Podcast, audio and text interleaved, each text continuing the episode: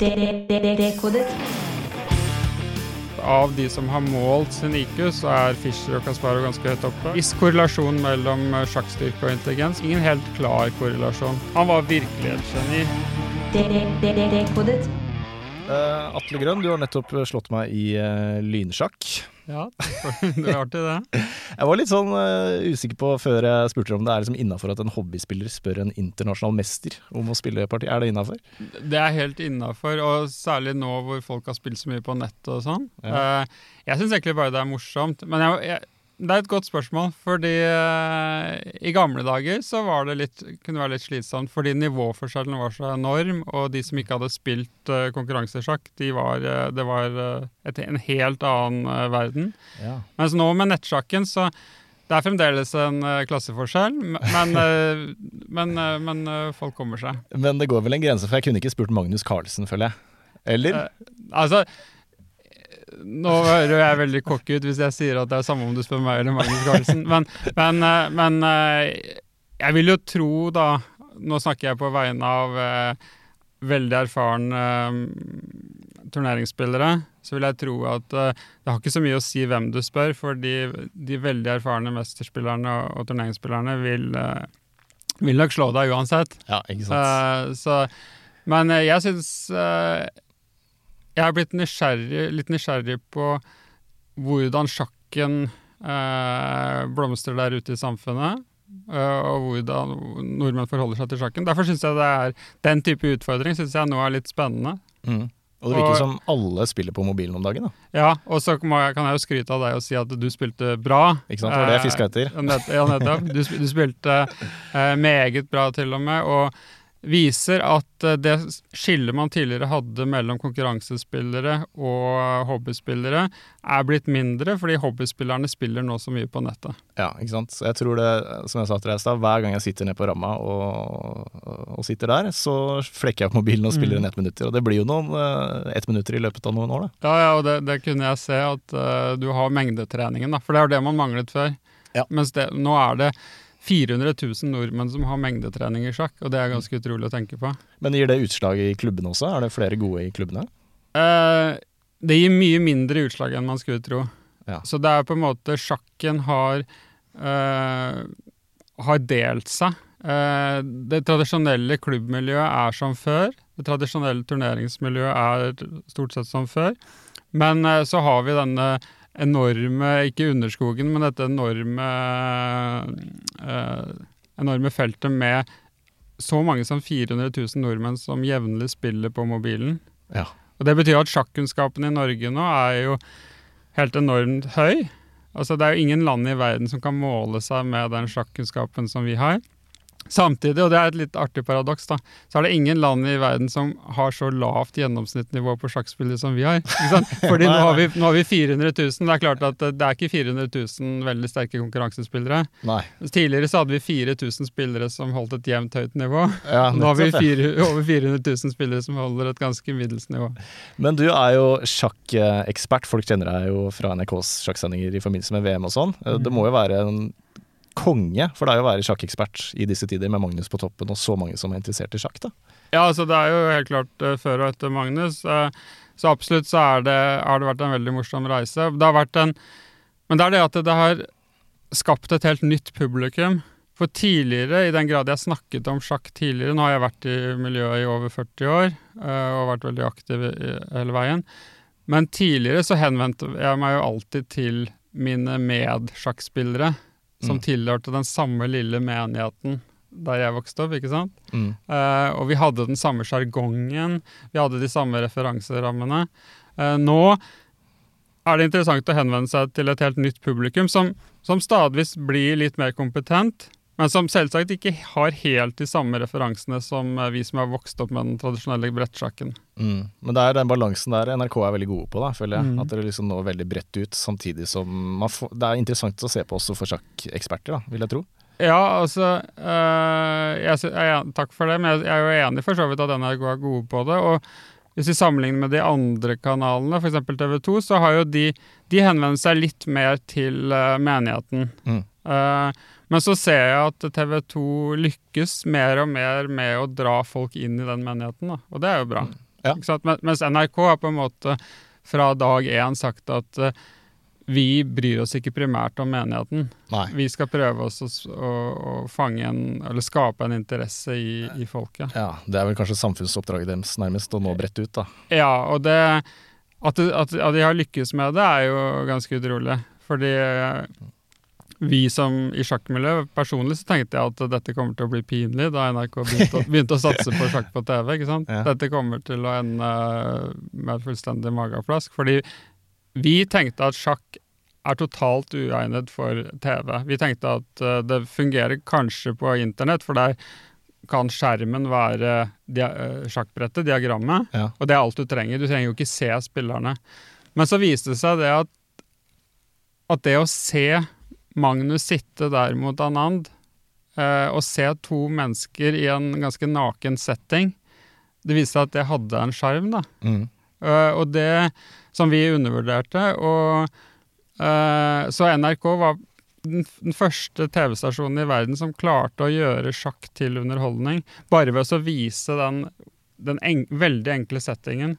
To mennesker i et nakent rom eh, uten fysiske hjelpemidler. Det er litt sånn som hvem skulle trodd at podkast, som er dagens radio ikke sant? Hvem skulle Ja. trodd at podkast slår an? Jo, det er også en veldig naken setting.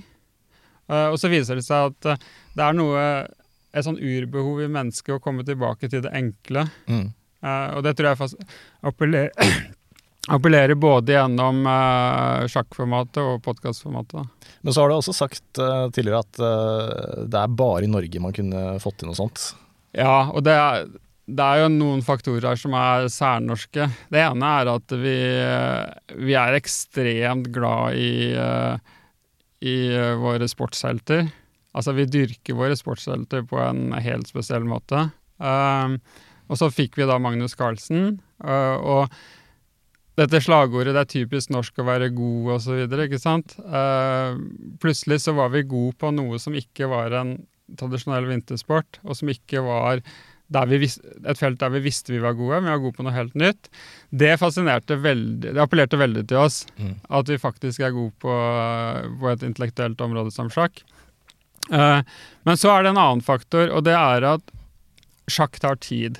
Og det er først når sjakk uh, vises gjennom time etter time, at du virkelig kommer inn i den meditative Mm. uh, tilstanden det er å spille sjakk eller følge et sjakkparti. Mm. Og for, å, for at publikum skal kunne sette av den tiden, så trenger du, litt, trenger du en viss velstand. Altså Du kan ikke være et samfunn hvor primærbehovet er å skaffe mat på bordet. Nettopp. Ikke sant? Så, så du, det at Norge Det er Luksus-TV. Ja, det er, det er, det er, er eh, luksus-TV. Eh, det er et luksusformat. Og å få det konseptet til å fungere i et land hvor folk jobber ræva av seg, det, det tror jeg ikke går. Nei, nettopp. Men du er altså ikke bare sjakkspiller og sjakkekspert. Du har jo skrevet eh, to bøker også. 'Sjakken eller livet', ikke sant. Eh, Mhm. 2017. Eh, en reise i sjakkens unike skjebner, historie og kultur. Det er en kjærlighetserklæring til sjakken, har du sagt. Ja, det er det jo. Det er, så det er på en måte jeg, Det er på en måte mitt testamente til sjakken. Da jeg skrev den, så var jeg helt overbevist om at jeg aldri mer kom til å skrive en sjakkbok. At dette var en sånn unik, en unik greie. Dette er det jeg har å formidle eh, om sjakk, tenkte jeg da jeg skrev den. Så kom det en bok til, da. Men, men eh, det er min, eh, min kjærlighetserklæring. Ja, Og så eh, kom da boka året etter 'Sjakkgeniene', som du skrev med Hans Olav Lahlum. Mm. Og det er jo mye av det vi skal snakke om i dag, er jo fra den boka, da. De Mhm. 16 verdensmesterne og hvordan eh, Hva Mhm. er et sjakkgeni, egentlig? Ja.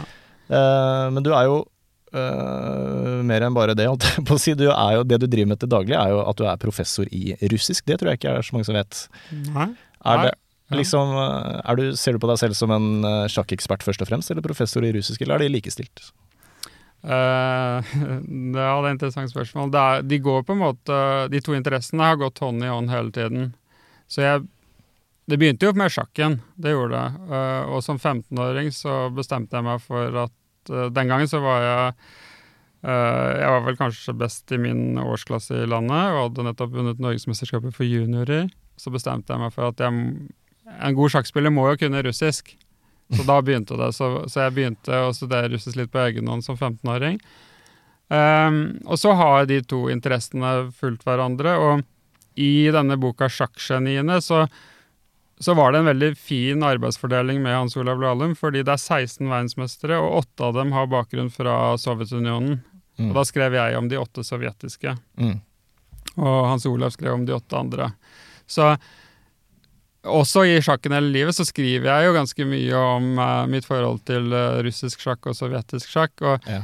Eh, jeg vil si at Når det gjelder sjakk, så er jeg altetende, men jeg har jo alltid hatt et spesielt øye til det sovjetiske og det russiske. Nettopp. Så hva står det på gravsteina di? Atle Grønn, en sjakkspiller. På russisk. Ja, det er et eller annet sånn, ja.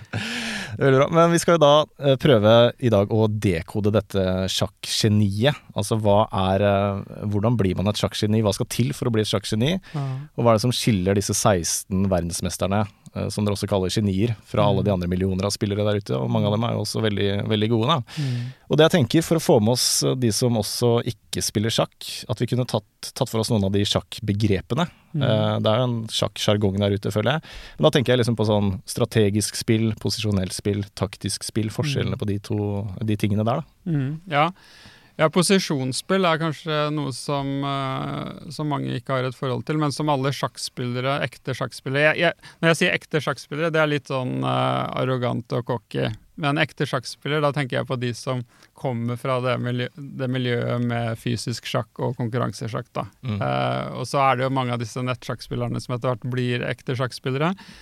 Men hvis du bare spiller sjakk på nettet, så vet du kanskje ikke hva posisjonsspill er, for da har du ikke den eh, sjargongen uh, innarbeidet, og du, du kanskje ikke, diskuterer kanskje ikke så mye sjakk på norsk med andre, ikke sant? Men alle, men alle, mens alle ekte sjakkspillere vet hva posisjonsspill er, og jeg vil si at posisjonsspill er um, en bevissthet om å skape harmoni i din egen uh, leir, for dine egne brikker, og disharmoni hos uh, motstanderen.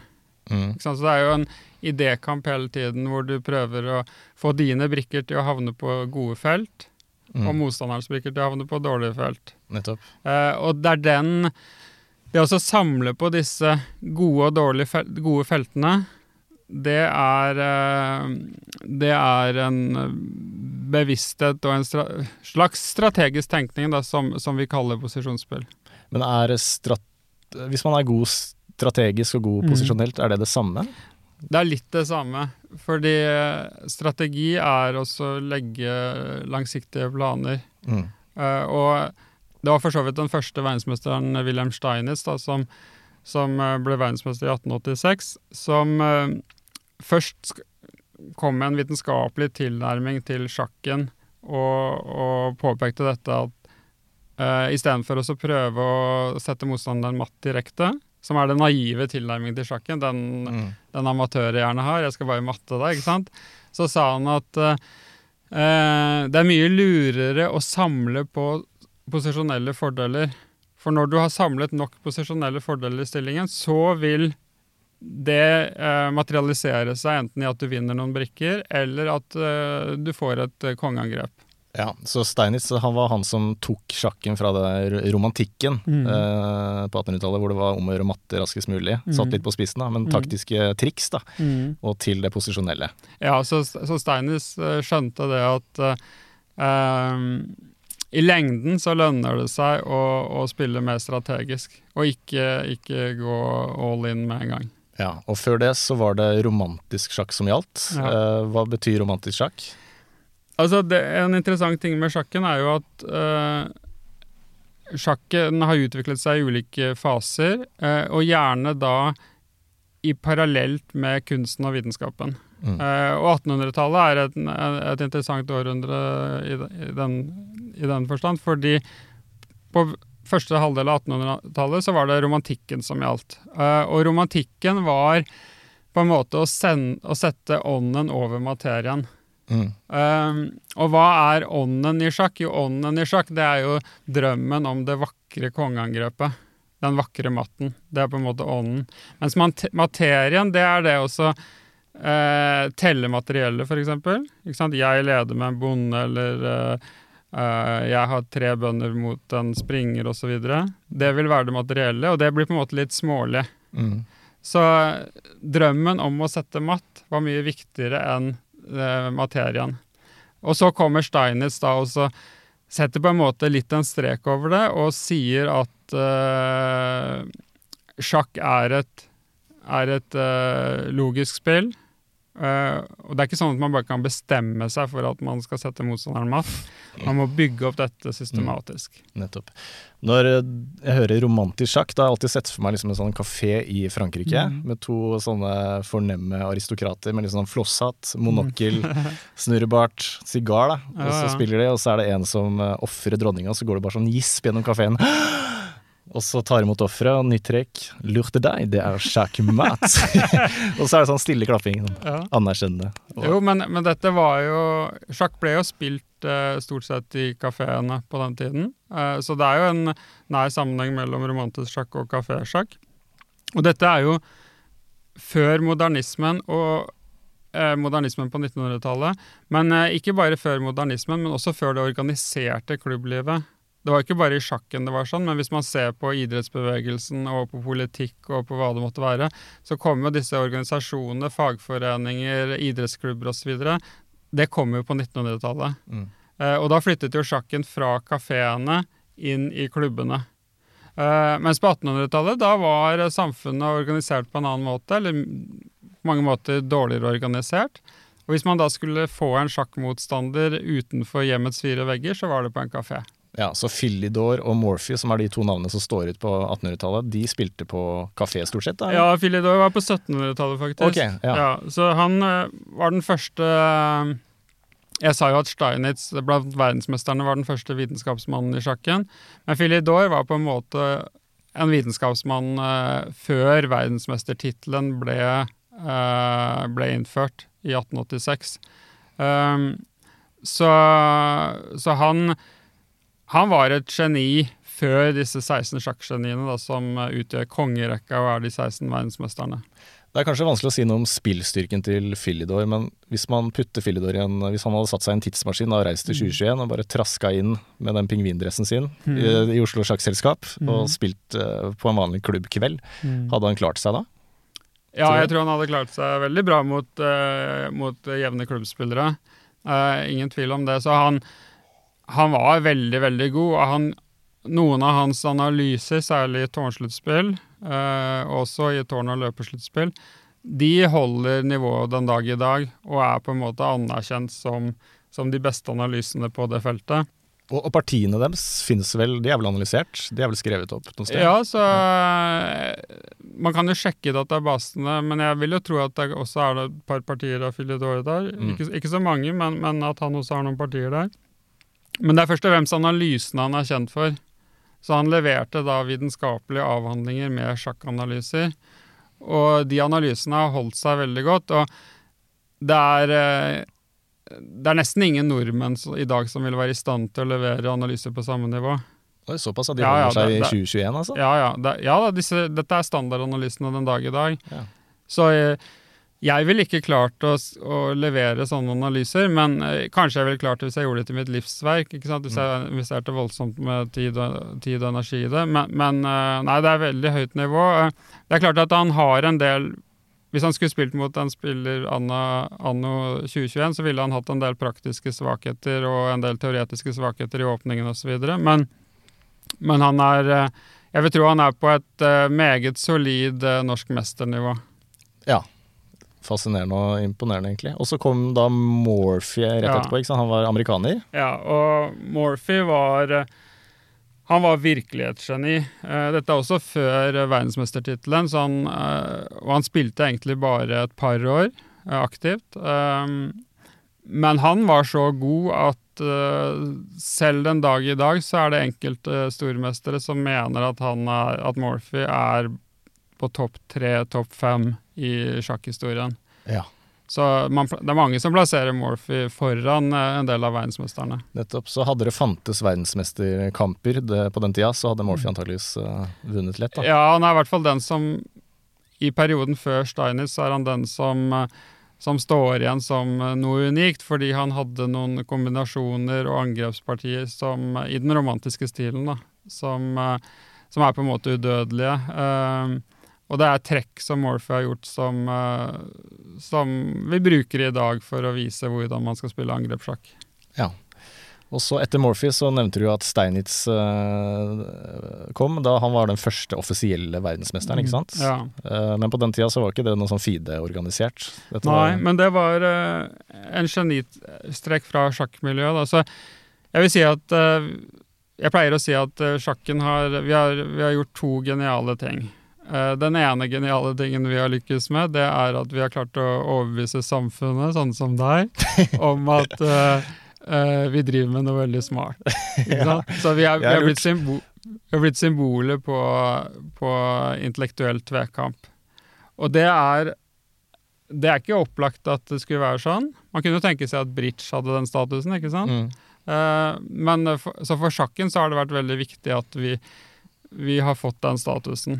Eh, så man kan tenke seg at Magnus Carlsen alle, alle forestiller seg at Magnus Carlsen som verdensmester må være ekstremt smart. Mm.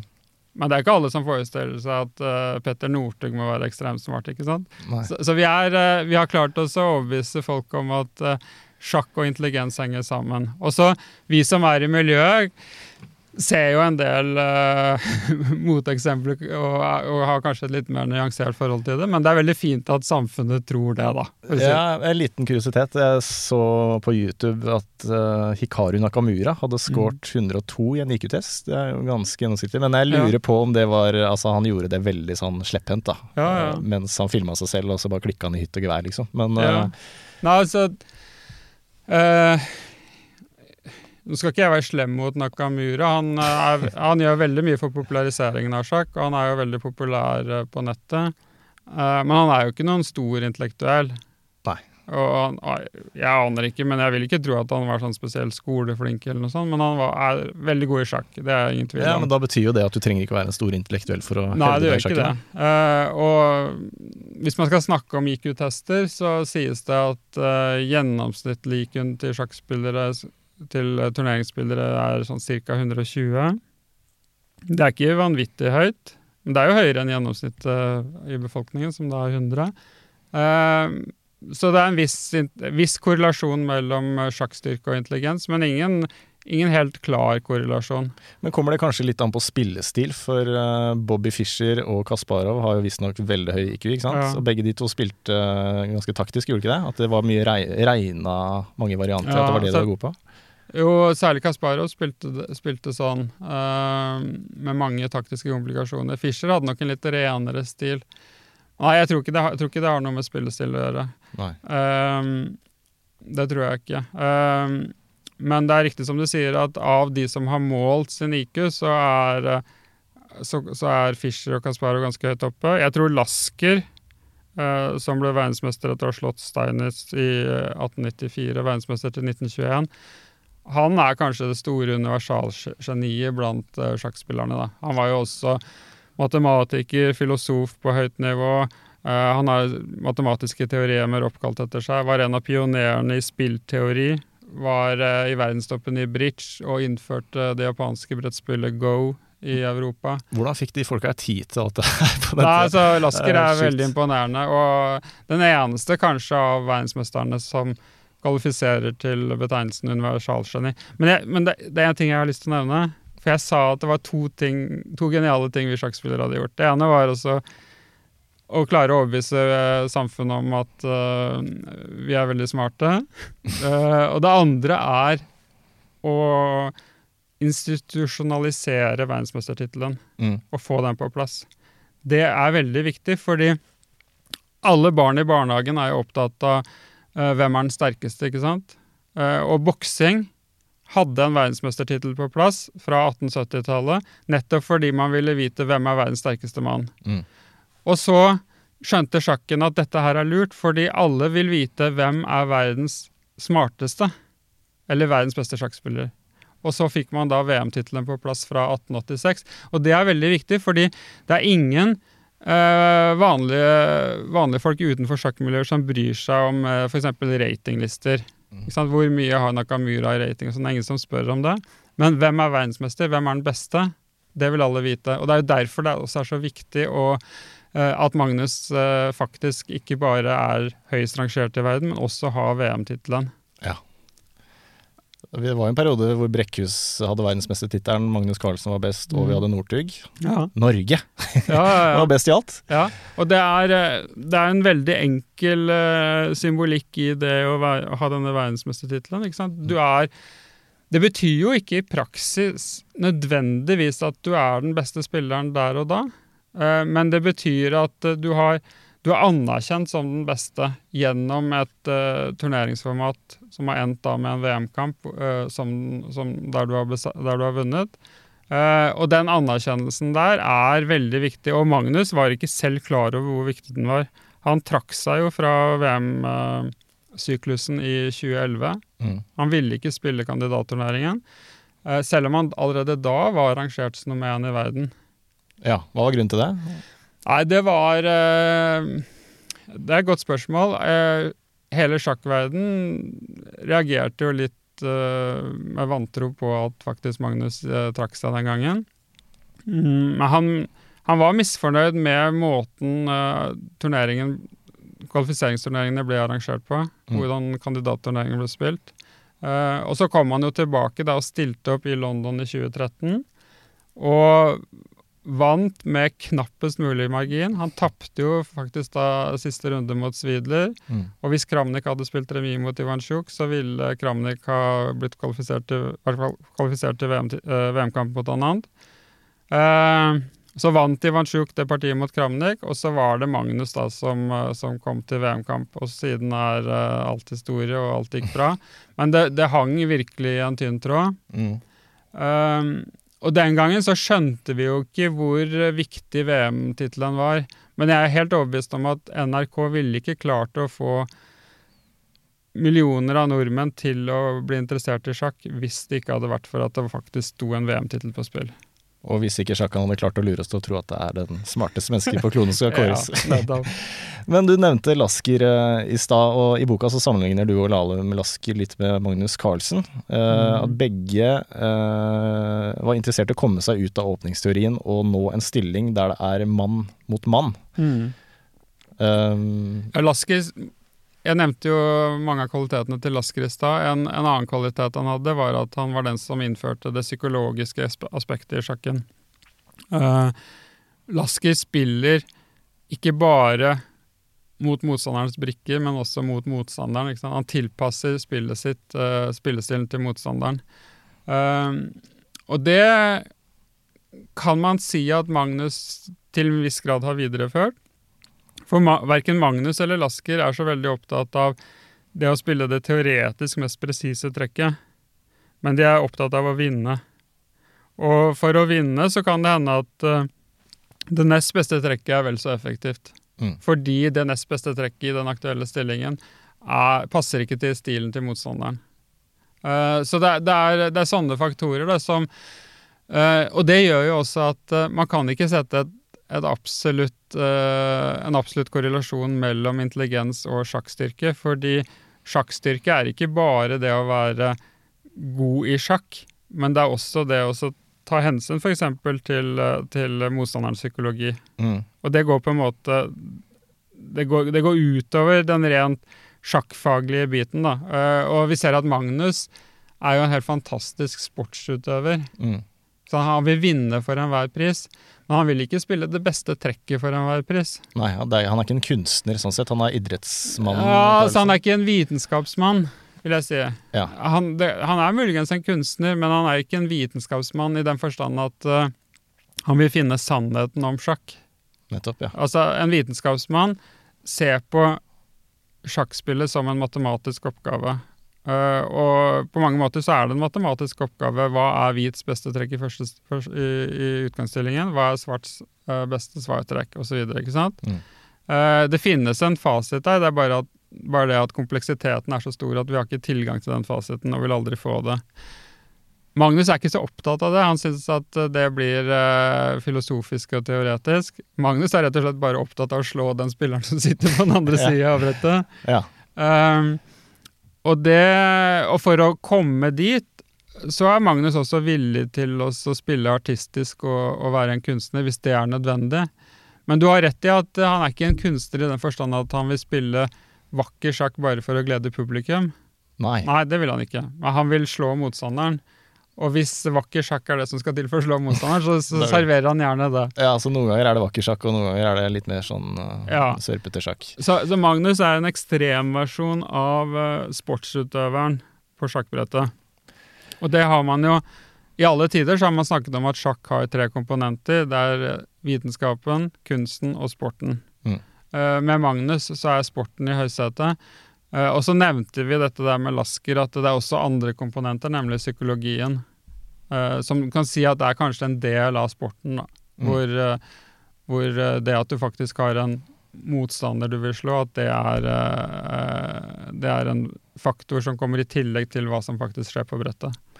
Og etter Lasker så kommer da den store Capablanca mm. ut av intet. Og her snakker vi liksom om det rene naturtalentet, vidunderbarnet eh, Ja. fra Cuba. Ja. Jeg syns jo det er litt sånn besnærende med dette medfødte talentet som er litt sånn mystisk, som er litt sånn uangripelig. da. Hvor Ja. kommer det fra? Ja, alle, alle er fascinert av det, og det, alle er fascinert av eh, kunnskap som ikke er tillært. Eh, og det er litt urettferdig også på mange måter, fordi eh, vi tenker jo at eh, hvis barna våre jobber bra på skolen og, og jobber bra til prøvene og får gode karakterer, så er jo det flott, ikke sant? Uh, mens i sjakken så er vi opptatt av å dyrke de som, de som får, gjør det bra på prøvene, men som ikke har forberedt seg. ikke sant? Ja. uh, så det er uh, um, Det er et eller annet tveget akkurat ved den, ved den siden av, av, av genidyrkelsen. Men det er, det er sant som du sier, at en person som Capablanca, som har kommet veldig lett til det, han øh, fikk da veldig mange beundrere. Og eh, Carlsen har vel også blitt sammenligna med Capablanca, for Carlsen er også blitt kalt et vidunderbarn. Ja, så de, de er ganske like på, på akkurat det planet der, at verken Magnus eller Capablanca trengte jobbe så mye med sjakk som de andre. Mm. Um, og for noen år siden så sa Magnus at han i snitt eh, jobbet kanskje tre-fire timer per dag eh, med sjakk. Og Caruana, som da var nummer to i verden, mente at eh, Magnus eh, løy. Det er ikke mulig å jobbe så lite med sjakk. Selv så trente Caruana åtte-ti timer hver dag. Mm. Eh, og mente at det, er, eh, det var helt nødvendig for å holde det nivået som, som han holdt. Så eh, Og sånn var det med Capablanca. Han, han, uh, han trente mindre sjakk enn uh, konkurrentene, enn f.eks. Aleksandr Aljechin, som, som, som han konkurrerte med på 1920- og 30-tallet. og de spilte jo en VM-kamp i Buenos Aires i 1927 som Aljechin vant, da, men Aljechin var var et arbeidsjern, sånn som Kasparov var.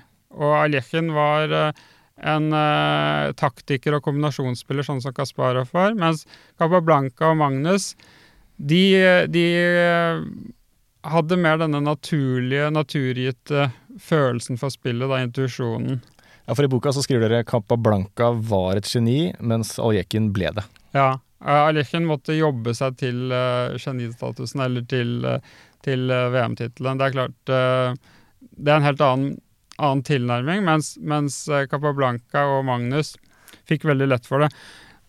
Nå må jeg samtidig si at uh, når det gjelder f.eks. Magnus, så tenker nok han mye mer på sjakk enn uh, en, uh, vi tror. Altså, han, han, han han jobber kanskje ikke systematisk med sjakk mer enn tre-fire timer om dagen, men han sjakk, lar sjakken surre i bakhodet. Mm. Uh, og så I tillegg så er sjakkstudiene til Magnus de er lystbetonte. Mm. Og det er en veldig viktig faktor, for jeg tror at hvis du jobber åtte-ti timer med noe daglig, i dette tilfellet sjakk, men er drevet av plikt, Mm. så er det litt vanskeligere å rett og slett å absorbere den kunnskapen du tilegner deg. Da. Fordi det, det, er en, det er på en måte hele tiden eh, et slit. Mm. Mens for Magnus, som trener litt mindre, men, men samtidig lar lysten styre, styre treningen, så tror jeg kanskje han har en mer effektiv måte å trene på. da. Der leste jeg noe veldig interessant. Eh, Jeg fant en NRK-artikkel for et par måneder siden. Så prøvde jeg å finne den i går, men jeg fant den, jeg fant den ikke igjen da. Men essensen eh, tror jeg var noe sånt som at eh, det er noen Eh, For det, det den artikkelen prøvde å finne ut av, er hvordan kan noen sitte i 16 timer eh, dag ut og dag inn og gjøre det samme. Enten det er fiolin eller piano eller sjakk eller, eller fotball. da. Uh, og da tror jeg de fant ut at det er no, hos noen så stimuleres det belønningssenteret i hjernen i større grad enn hos andre. Så du, det slippes ut mer dopamin eller serotonin eller hva det er da, eh, ved å gjøre repetitive oppgaver. Eh, bare for å bruke meg selv litt eh, som et eksempel, så kan jeg kjenne meg litt igjen. For jeg var jo da Jeg har mista det totalt i voksen alder. Men da jeg var 16, så var jo målet mitt å bli verdens beste gitarist. og i mitt naive sinn så var jo det fullt oppnåelig, da. Eh, og da var det sånn Da spilte jeg gitar. Eh, det var eneste som sto i hodet på meg. ikke sant? Spille gitar, spille gitar. Og så regna jeg på at jeg kunne klemme inn 20 minutter med skalatrening før skolebussen kom. Og så slutta jeg i tysk på videregående, for da kunne jeg få to timer ekstra i, i uka da, til å øve mer. Og så var det bare gitar, gitar og gitar, og det endte jo da med en helvetes senebetennelse. så jeg kunne ikke spille på ett år. Eh, men poenget er kanskje at hvis det er noe Altså den Det at Altså Hvis det er forskjell på folk der, da, at det er noen som får mer dopaminutskillelse ved å gjøre repetitive oppgaver, så er kanskje det en forutsetning for å bli god. Ja, altså jeg tror I hvert fall så er det en forutsetning at du Du eh, investerer veldig mye tid i det. Sånn som også Capablanca og Magnus. eh, Selv om de er naturtalenter, så har jo de brukt enormt mye tid på sjakk. Det er bare at de har brukt tiden litt annerledes, da. Mm. Eh, Så Magnus fra han var åtte-ni år gammel til han var I hvert fall til han var 16-17, så tenkte han jo på sjakk absolutt hele tiden. Mm. Han kunne ikke spise middag sammen med de andre fordi han, han måtte tenke på sjakk, så han satt på rommet med gaffelen i den ene hånda og sjakkboka i den andre. uh, og det å være virkelig oppslukt av noe, det er en ekstremt effektiv måte å lære på. Ja. Uh, og, det, og det hadde Magnus, da. Uh, og så er det var det masse, mange heldige omstendigheter som gjorde at det ble fullklaff akkurat med Magnus. Um, det er jo mange andre som, har den, som er besatt av noe i en periode, men så går det som ofte over, ikke sant? Mens med Magnus så bare fortsatte det og fortsatte og fortsatte. Og det Ja, vi som sto og så på dette, vi kløp oss i armen. Når skal det ta slutt? Ja, ikke sant? Eh, men han hadde jo da den eh, fanatiske sjakkinteressen hele veien. Mm. Eh, også da han kom i tidlig tenår, tenårene, sent tenårene, og så til og med da han ble voksen. Og så har han det til og med nå Ja. når han er 30. Det er jo helt sjukt. Det er noen få mennesker som har denne egenskapen. Du ser jo p- klassiske pianister og sånn som bruker 14 timer dagene. eh, Jo, men, men, men eh, hvis du sammenligner Magnus med de andre verdensmesterne, så det er kanskje noen sånn som Michael Thal. Han hadde litt denne spillegleden hele tiden. Mm. Eh, men de andre verdensmesterne er jo mye mer kresne enn Magnus. Altså, Magnus spiller jo hele tiden, og han Mm. spiller på nettet hele tiden. Han, han er jo ikke veldig uh, han, er, han er ikke selektiv i det hele tatt. Han er heller ikke veldig god, kan man si, til å bygge opp sin eksklusivitet. Ikke sant? Han kunne jo Hvis han hadde spilt mindre, så kunne han jo satt en høyere prislapp på per parti. Mm. Sånn som Kasparov hadde vanvittig prislapp på, på sine partier. Hvis han skulle spille ett nå, husker jeg ikke sånn helt nøyaktig, men, jeg, men øh, det var snakk om at hvis han skulle spille ett parti for en fransk klubb øh, en gang på 1980-tallet, så var det snakk om nærmest millionbeløp. Ja. Uh, men, mens Magnus eh, er jo i alle kanaler til alle tider. Men samtidig så bygger han litt opp under markedsverdien sin da, ved å være så synlig og få masse nye Så han gjør det på en Og, helt annen måte, ja. Fordi de andre verdensmesterne har alltid, litt med unntak av Tal, da, denne veldig eksentriske og morsomme russeren, sovjeteren, eh, som var verdensmester fra 1960 til 61. Men litt med unntak av Tal, så har de andre verdensmesterne, de har, når de har fått tittelen, så har de voktet på den tittelen, da. Og voktet på navnet sitt. Og passet på at de ikke skriver for mange autografer, passet på at de ikke eh, spiller for ofte. Eh, Botvinnik, eh, verdensmesteren eh, etter krigen fra 1948 og verdensmester i, i, i 13 år totalt, han mente jo at det måtte gå minst to-tre måneder mellom hver turnering en verdensmester spilte. Ja. Eh, og faktisk, i ett tilfelle så gikk det tre år mellom uh, Botvinniks to opptredener på sjakkbrettet som verdensmester. Så han tok en pause på tre år. Og da blir det ekstremt eksklusivt. Ikke sant? Verdensmesteren viser seg ikke. Nei. Og da kan du tenke deg at folket er sultne på å se verdensmesteren. Det er sjukt at de fikk lov til det. De kunne bare sjøl bestemme Nei, nå har jeg lyst på tre års pause. Ja, det, så det var en helt annen tid, og det, og det er jeg enig det er helt sjukt. Eh, mens Magnus har gått til den motsatte ytterligheten. Han, han viser seg fram hele tiden. Men du har nok et poeng at uh, i og med at han viser seg i alle kanaler, så, så bygger han jo på en måte eh, merkevaren sin på en annen måte, da. Men han Mm. bygger den Han, han jo godt, blir jo godt kjent. Uh, så, men jeg trodde jo at da Magnus ble verdensmester, at han ville uh, trappe ned. Ja. Uh, men så han har valgt helt motsatt strategi, da. Det er bare en enorm spilleglede, da, som Ja. aldri tar slutt. Og det er, og det, er det, som- det er det vi begynte med. Det er denne spillegleden. da. Mm. Litt barnslige spillegleden. Ja. Man skulle tro at en 30-åring som har vunnet absolutt alt, ville roe seg ned og kanskje eh, begynne å spille litt golf og, Mm. uh, og gå i cocktailparties og sånne ting. ikke sant? Og gjøre litt andre ting. Det er mulig Magnus også gjør det, Ja. men han, eh, men han spiller jo sjakk daglig.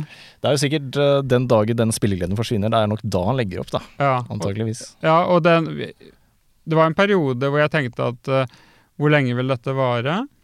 Men eh, på mange måter så syns jeg spillegleden hans har, er større enn eh, nesten noen gang. Altså eh, med koronasituasjonen hvor sjakken har gått eh, online mer enn noen gang, så har jo Magnus eh, virkelig blomstret og, og spilt enormt mye.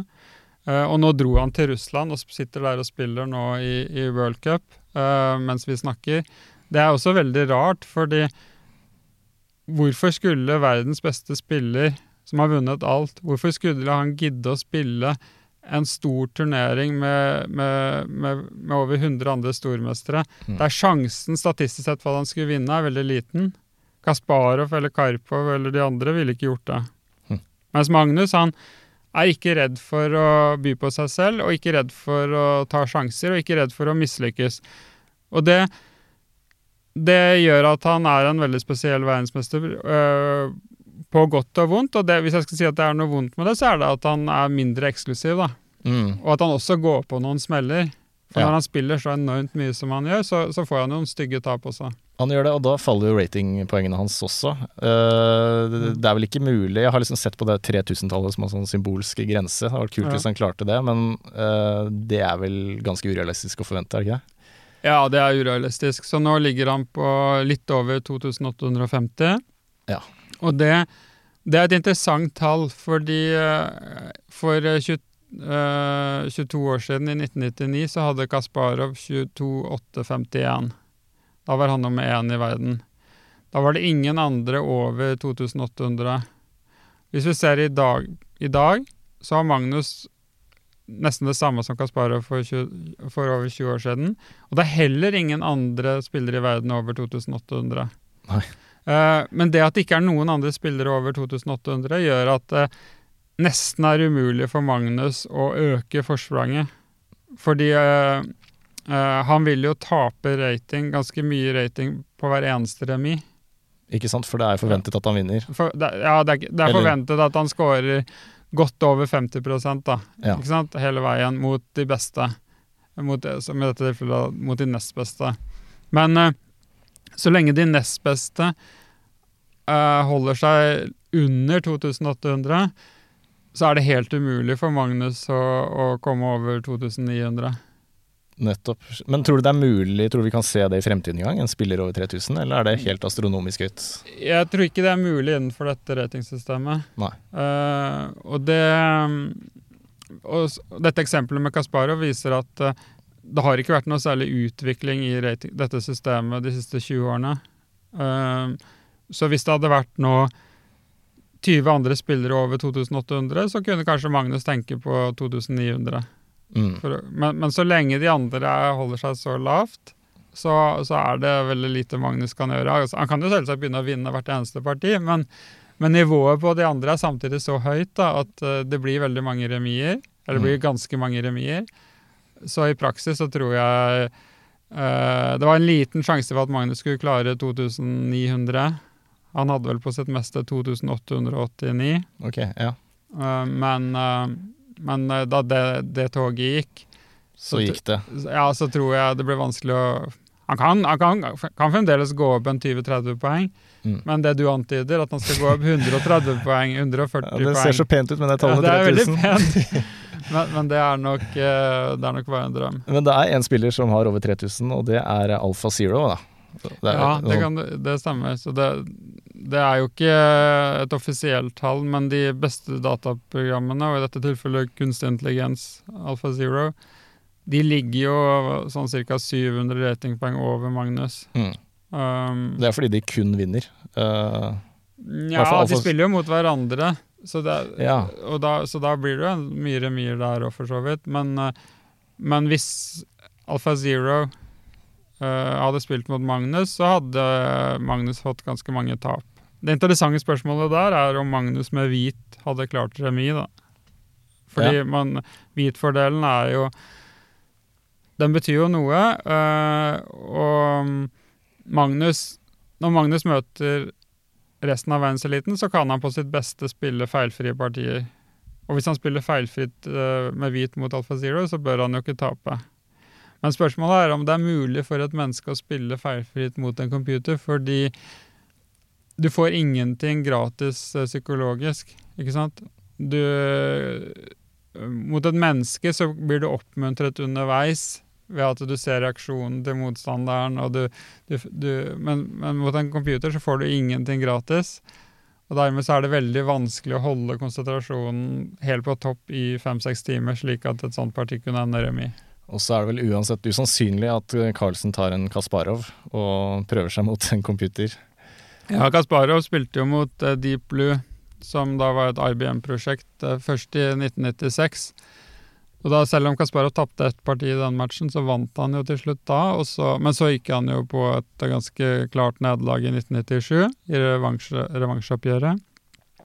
Og da Og det var eh, en veldig viktig, eh, veldig viktig duell fordi den hadde så stor uh, symbolsk betydning, altså menneske mot maskin. På menneske mot maskin i uh, det ultimate formatet, nemlig sjakk. Mm. Uh, og disse datanerdene hadde jo drømt om å knekke sjakkoden i, i mange tiår, så allerede Alan Turing uh, lagde det første sjakkprogrammet på, på 1950-tallet, og- som var veldig dårlig. Ja. Så de første sjakkprogrammene var jo helt elendige. Uh, men uh, til slutt så klarte IBM det i 1997, og, og det er jo en sånn Når den grensen er brutt, så er det ingen vei tilbake. Fordi datamaskiner blir jo bare bedre, mens mennesker vi står jo ganske på stedet hvil. Kan vi si at da Kasparov tapte i 97 mot Deep Blue, så var det på en måte en slags innrømmelse, eller kanskje en anerkjennelse av at ja, sjakken er kunst, sjakk er psykologi, sjakk er eh, vitenskap, det er sport, men først og fremst så er det matematikk. Altså Du kan være så god posisjonsspiller du bare vil og få brikkene til å harmonere, men du kan ikke vinne mot en regnemaskin som regner 100 000 trekk i sekundet. Ja, på, på den tiden så ja, til en viss grad så vil jeg si det. Eh, for de beste maskinene på den tiden begynte å regne flere hundre millioner trekk i sekundet. Eh, og den eh, regnekapasiteten der ble for Den gjorde utslaget. Men i dag så er vi faktisk I dag gjelder ikke den sammenligningen like bra. Fordi Alpha Zero, som du nevnte, da, som er basert på nevrale nettverk og kunstig intelligens, regner egentlig ganske lite. Uh, etter det jeg har lest, så regner Alpha Zero ca. 80 000 trekk i sekundet. Mens uh, Stockfish, som er det beste tradisjonelle programmet, regner 200 millioner trekk i sekundet. Likevel så er Alpha Zero mye bedre enn Stockfish. Så, så det, og det, viser Så Kasparov sier at uh, Alpha Zero beviser i dag at Kasparov egentlig alltid hadde rett. Mm. Sjakk er ikke bare et spørsmål om regning, men sjakk er et spørsmål om, om uh, intuitive ofre uh, og en dynamisk spillestil da, som uh, Kasparov har, har til felles med Alpha Zero. Mm. Men det var, man var litt redd for i 97, hvis jeg skjønte riktig, var at nå har man liksom runda sjakken. Nå er sjakken Ja. løst. Ja. Men er det ikke sånn at hvis, hvis den Alfa Zero eller Stockfish da bare hadde gått og gått og regna 80 000 trekk i sekundet Mm. i eh, 100 år, da, så ville den jo til slutt ha analysert alle tenkelig mulige stillinger. Den maskinen eh, det tror jeg ikke nødvendigvis. Jeg tror ikke nødvendigvis det er, det er riktig, det regnestykket der. Fordi det er jo flere mulige sjakkpartier enn det er atomer i det observerbare univers. Så atomer i det observerbare univers, det er ti 10 opphøyd i 80. eh, og antall mulige sjakkpartier er 10 opphøyd i 123. Så det er et ett-tall med 123 nuller bak. Det er for sykt. Ja, og så det betyr at uh, du kommer Hvis du skal sette en datamaskin til å regne på alle muligheter, så kommer du ganske raskt til et punkt hvor det at du gir datamaskinen 100 nye år, det hjelper ikke så mye. Okay. For, fordi kompleks, kompleksiteten eh, Forskjellen på 10 opphøyd i 80, antall atomer i det observerbare univers, og 10 opphøyd i 123, den er helt gigantisk. Ja, det, Ikke sant? Det jeg er, blir helt svimmel. man blir helt svimmel. Så du, du kommer i en situasjon hvor maskinen Du kan gi maskinen 1000 nye år, og den vil kanskje komme eh, noen få trekk videre, men den vil ikke komme så veldig mye videre. Så det er kun en teoretisk mulighet, da. Altså, Ja, men, Det er ja, det er en teoretisk mulighet. Altså, sjakk er et uh, endelig spill, så, så uh, man har vel bevist at uh, et sjakkparti kan per definisjon ikke vare mer enn 5500 trekk. Mm. Eh, så det er et endelig spill, og det er en matematisk eh, løsbar oppgave.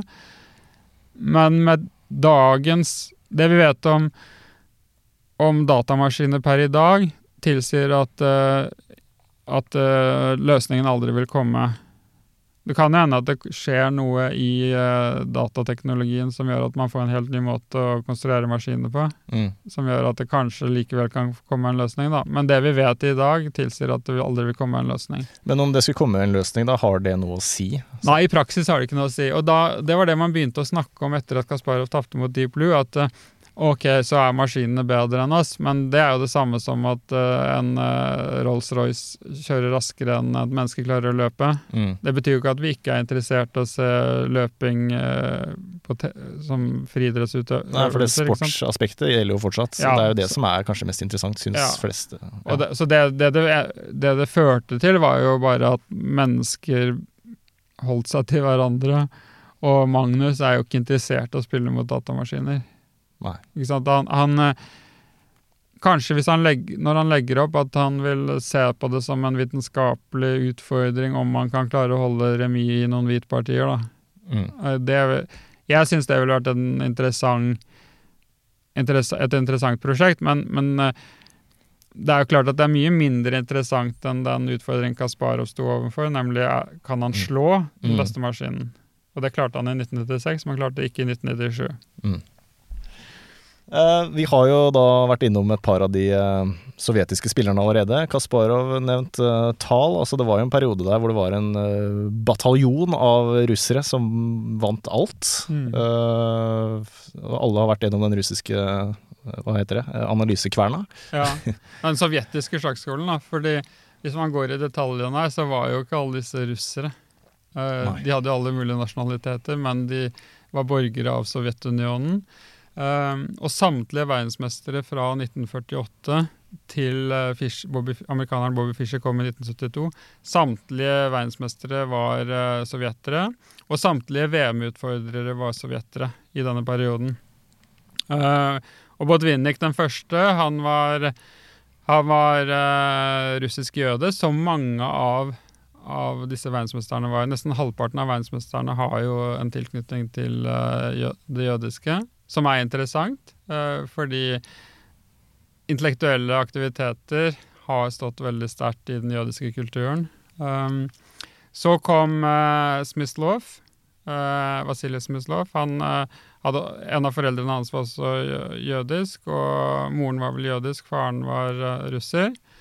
Um, og så kom Mikhail Tal Mm. fra Latvia. Han var klovn. Han var, ja, og han, han var eh, På mange måter så er han min favoritt utenfor sjakkbrettet, men også på sjakkbrettet. På sjakkbrettet var han eh, en offerspiller, en, en tryllekunstner, fantastisk spiller. Men han var så morsom også utenfor brettet. Mm. Så han er definitivt den morsomste sjakkspilleren eh, i, blant disse verdensmesterne. Ja, det var mitt favorittkapittel i eh, boka, for han var en eksentrisk type med flere ikoner og Ja, ja. røyka og drakk som en Ja, altså han hadde jo Han sa at han hadde syndet på de fleste områder i livet. Det hadde vært uh, gambling, hor og, og Ja. drikking. Det eneste synden han aldri hadde by- bygd seg ut på, det var postsjakk. Det orka han ikke. Nei, det orka han ikke. Så han elsket jo lynsjakk, Ja. eh, og satt og spilte lynsjakk eh, døgnet rundt. Eh, og spilte jo Jeg spilte mot meg også, faktisk. Har du spilt mot han? ja. ja. Jeg har til og med slått han. Eh, har du det? Ja, ja, i, i 1989. Eh, nei, unnskyld, i 19... Ja, i 1989 så slo jeg ham. Og da uh, Det er to ting man kan si om det. da. Det ene er at han var faktisk regjerende verdensmester i lynsjakk, så han var jo god. Men uh, han var jo også dødssyk. Eh, Ok. men, men på den annen side, han var jo alltid dødssyk. Ja. Altså, altså han Han var jo omtrent født dødssyk. Ja. Altså han hadde jo Det var ingen indre organer som fungerte eh, hos han. Eh, og han var jo født med en del defekter. Um, og så satt han da på Karl Johan og spilte oppvisningslynsjakk. og så møtte han da 20 klovner fra Norge og Mm. slo den ene etter den andre. Og så var han jo helt i ørska da han kom til meg, da. Ja. Og, Både litt berusa og eller? Nei, det var han nok ikke. Men han satt og, han satt og kjederøykte, det husker jeg. Ja. Um, og så var han ikke forberedt på at jeg faktisk Kunne sjakk? var relativt god på den tiden, så jeg slo han da. Men, eh, men det, det var stort å få møte ham, fordi han, han er jo virkelig en av de store personlighetene. En helt eh, magisk personlighet. Ja. Og en voldsom utstråling. Så han har jo et utseende som kan skremme vettet av folk, men samtidig så hadde han en, en magisk tiltrekning på kvinner. Det ble sagt at eh, blikket hans det hypnotiserte eh, motstanderen og forførte kvinnene. Og det utnytta han seg av. Ja da, det var veldig mye festing og, og damer med tall. Um, og han var ekstremt populær i Sovjetunionen fordi han var så morsom. Han, han, han underviste faktisk De fleste av disse sovjetiske verdensmesterne hadde et sivilt sivilt yrke. Fordi uh, i det sosialistiske arbeiderparadis som Sovjetunionen var, så, så kunne du på en måte ikke være ren sjakkspiller, selv om i praksis så var, var de det. Så måtte de ha en slags yrkestittel. Og Tal underviste i russisk litteratur på universitet eh, Nei, på, på gymnasnivå. Uh, så han hadde Han var veldig belest og veldig morsom og eh, og hadde vanvittig gode sitater, eh, et oppkomme av sitater. eh, og var da el virkelig elsket av, av folket. Og geniet hans det handler ikke så mye om posisjonsforståelse, men han var en uh, tryllekunstner på brettet, eller hva dere skriver. Han var i hvert fall god til sånne taktiske triks og Ja, så han, han var jo noe for seg selv, da, men du, på en måte så var han i tradisjonen fra romantikeren og Morphy, det kan man si, med disse, disse taktiske triksene og, tryll, og tryllekunstene. Men, men han Det går på en måte nesten ikke an å definere Tal som sjakkspiller. Eh, de som har lest mye russisk litteratur, og det er det sikkert ikke mange av lytterne som har, da.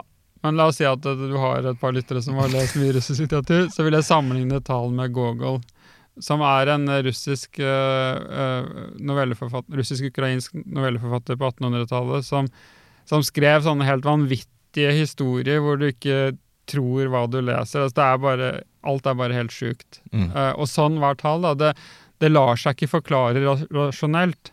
Og Tal sa jo at jeg skal ta motstanderen inn på en, en sti der to pluss to er fem. Nettopp. Ikke sant? Og han gjorde ting som computerne i dag, datamaskinene, når de eh, analyserer partiene, så ler de av trekkene hans. Ja. Det er jo bare tull. Men for et menneske der og da, så var det, var det utfordrende nok og nesten umulig å skjønne hva Tal drev med, og han lurte motstanderen gang på gang på gang. Så han brukte jo da noen av elementene fra Lasker, vi snakket om psykologien, ikke sant? Mm. Han brukte jo Han var jo også åpenbart en veldig god psykolog.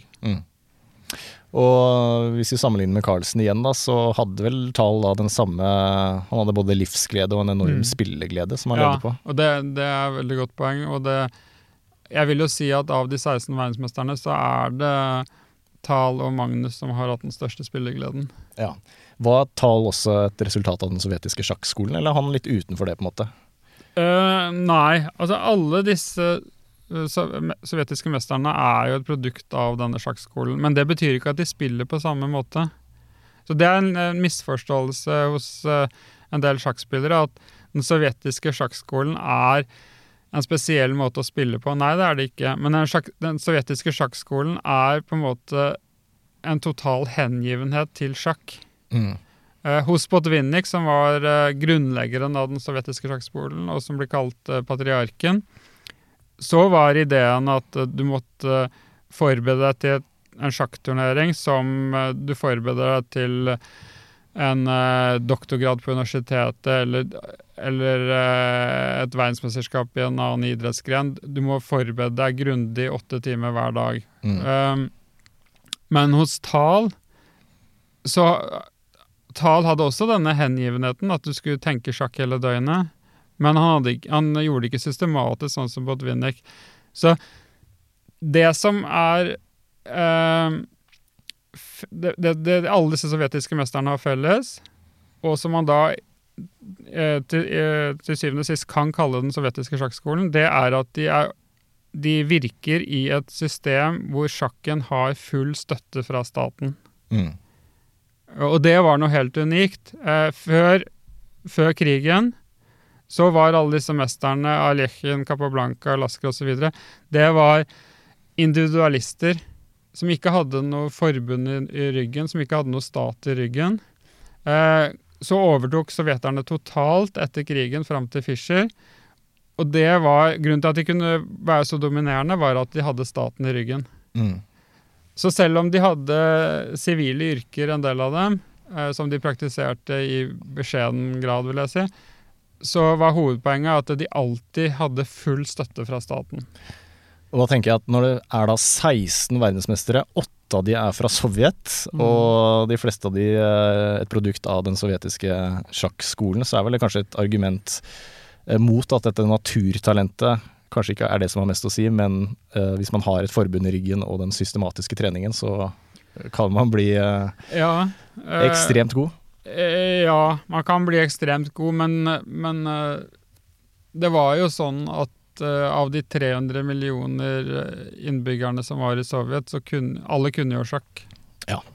Så konkurransen der var jo var vanvittig hard. Det er litt sånn som alle nordmenn kan gå på ski, Mm.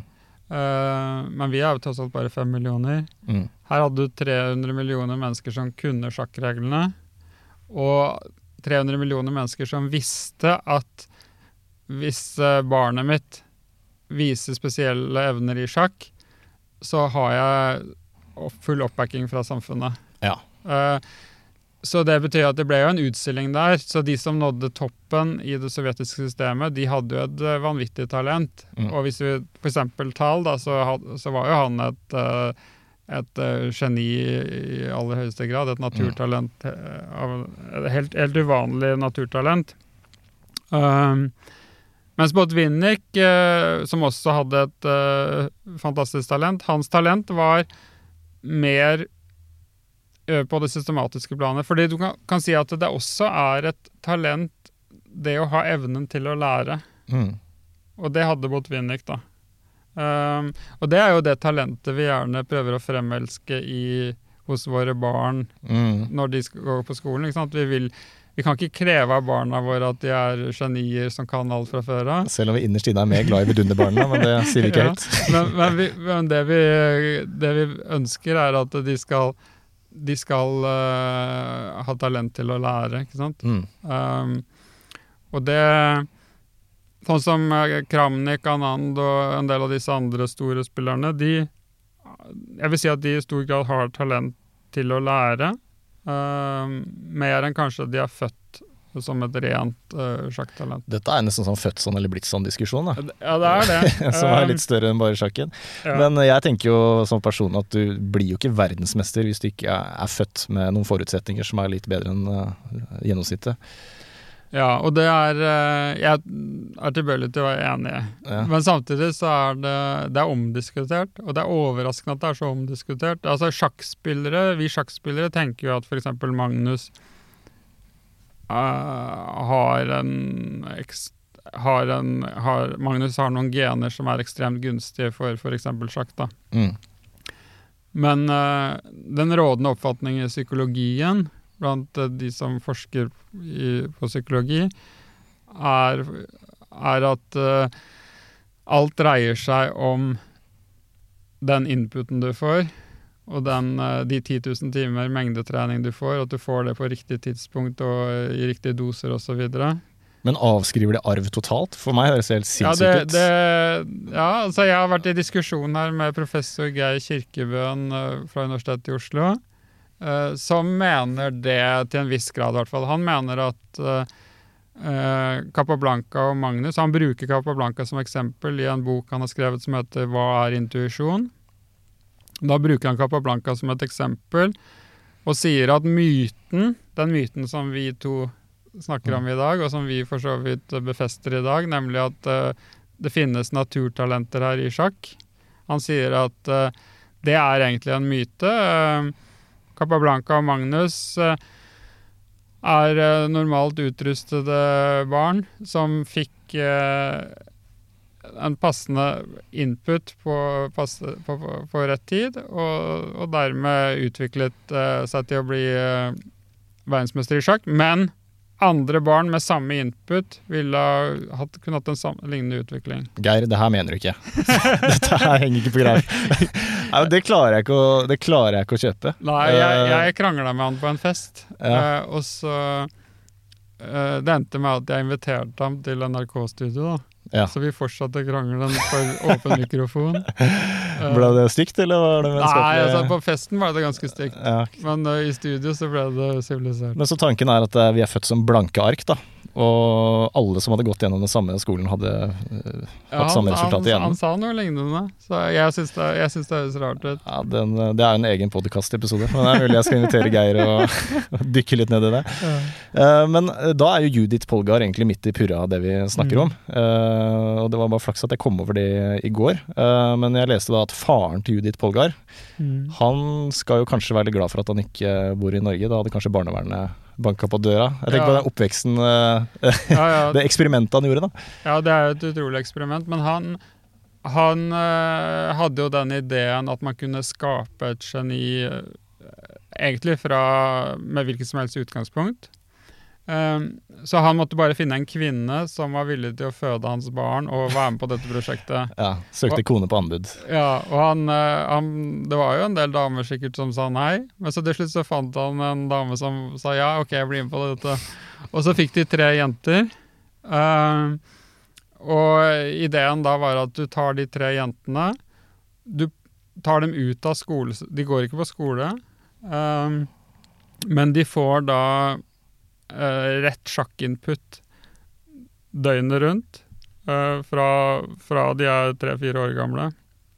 Og det endte jo med at Judith Polgar, som var den yngste av disse tre, hun er tidenes kvinnelige sjakkspiller. Mm.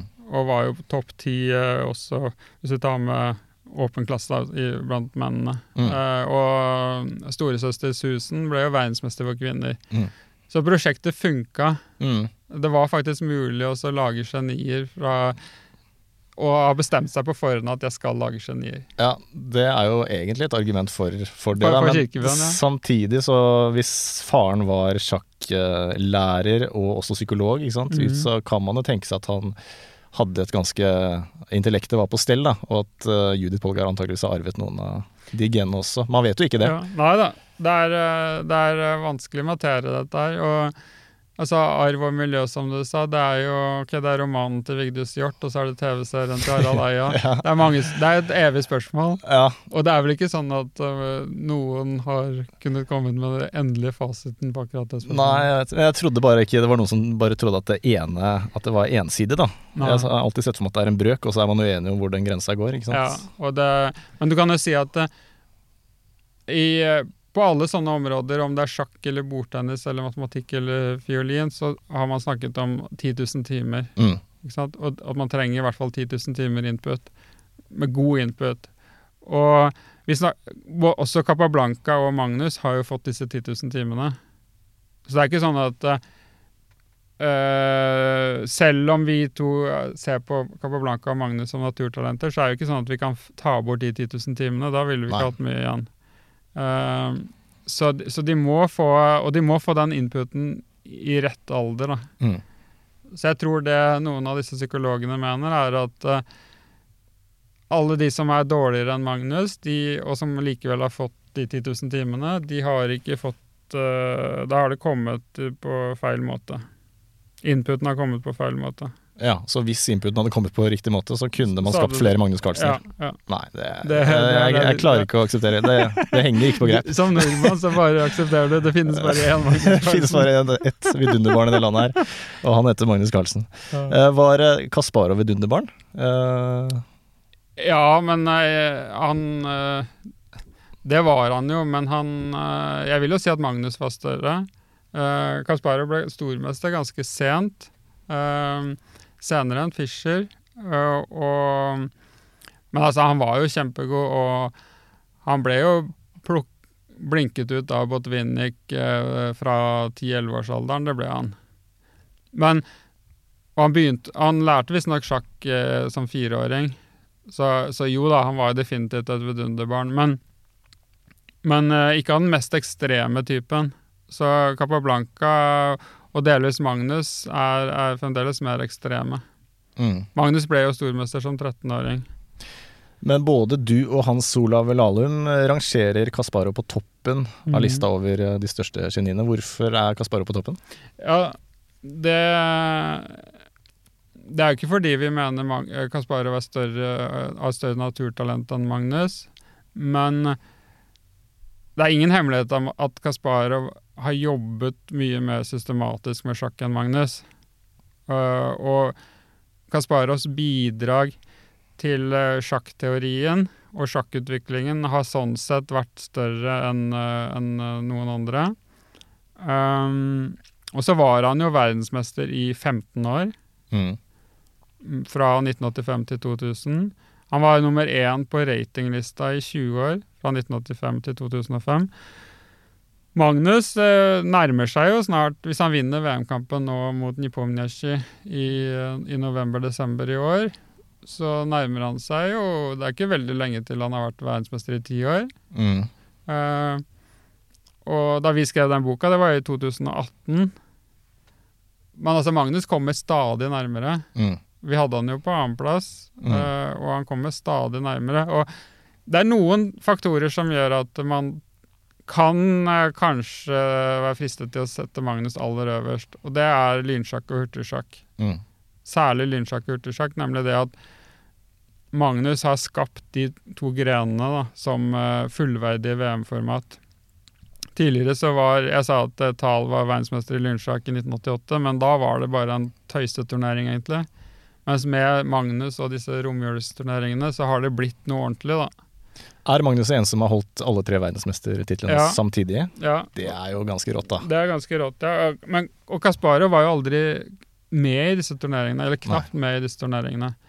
Så Kasparov er sånn sett mye mer ensidig på at det er den klassiske sjakken som gjelder. Mens Magnus har jo skapt to nye VM-format, nemlig lynsjakk og så har han nå også skapt eh, online-sjakken. Mm. Um, så hans bidrag, Magnus sitt bidrag til eh, sjakken eh, og utbredelsen av sjakken begynner etter hvert å bli ganske imponerende. Tror du det er et sånn nytt paradigmeskifte her? At eh, online-turneringene fortsetter selv om korona går over og Ja, det tror jeg definitivt. ja. Så det er jo Hvorfor skal de gidde å møtes, liksom, når de kan spille Ja, det kan du si. Uh, samtidig så er det jo sånn at for, eh, for meg, men også for Magnus, men, men for alle oss som er oppvokst med fysisk brettsjakk, så er jo det noe eget. da. Mm. Og det sier jo Magnus også, han er jo nå i Russland og spiller fysisk. Eh, Ja. Så det er noe eget fordi du, du kommer i en sånn egen meditativ tilstand når du sitter der bare med, med klokka og motstanderen og, og de fysiske brikkene. Så Mm. det, er, eh, det er noe annet enn å spille på nettet, da. Det er det. Og så har jo Magnus vært med å kommersialisere sjakken, sånn at det er, det er mye penger i sjakk nå. Men det Ja. var det kanskje før òg. Bare Nei, det er eh, Ja, altså Magnus er jo en liga for seg der, da. Eh, så jeg vet ikke hvor mye det er verdt uh, selskapet hans, men det har jo vært over, godt over en milliard. Du, det, ja, det er såpass. Ja. Da skjønner jeg at Espen eh, fortsetter som manager. Eh, Det hadde jeg hørt òg. Men eh, eh, jo, en ting jeg har lurt på. Eh, hvordan sikrer man at de ikke jukser, eh, de toppspillerne, når de spiller online-turneringer? At de ikke sitter med stockfish eh, ved siden av? ja, nei, det er eh, eh, Altså først De må jo installere noen programmer som gir dommerne full tilgang til datamaskinen de bruker. Ja. Det må de. Uh, og så må de ha kamera i alle retninger. Uh, sånn at de har uh, dommerne har kontroll på, på særlig øynene deres, vil jeg tro, da, hvor mm. de ser. Sånn at de ikke ser i andre deler av rommet, for å få hint fra mm. Så det er en de, de har nok tenkt ut eh, en del måter å begrense juks på, men 100% sikkert vil et sånt system likevel aldri være. De sitter tross alt hjemme i sin egen stue. ja. Men jeg tenker de toppspillerne, hvis de skulle bli tatt i juks, da, Ja. da er jo livet er jo ødelagt, liksom. Ja, ja, og karrieren. det er ingen grunn til å mistenke de aller beste for juks. Nei. Uh, og sånn sett så har Jeg tenkte på det nylig her, for det er på en måte et paradoks, det der. Eh, nå er, for jeg vil tro at f.eks. i sykling og friidrett så er det relativt lite juks blant helt vanlige folk, amatører. Men så er det, vil jeg tro, da, at det er en del juks på toppnivå. Men i sjakken så er det motsatt. Mm. Det er mye juks blant vanlige folk, amatører. Så chess.com, som er den største kommersielle serveren, de kaster ut eh, 50 000 spillere i måneden Ja.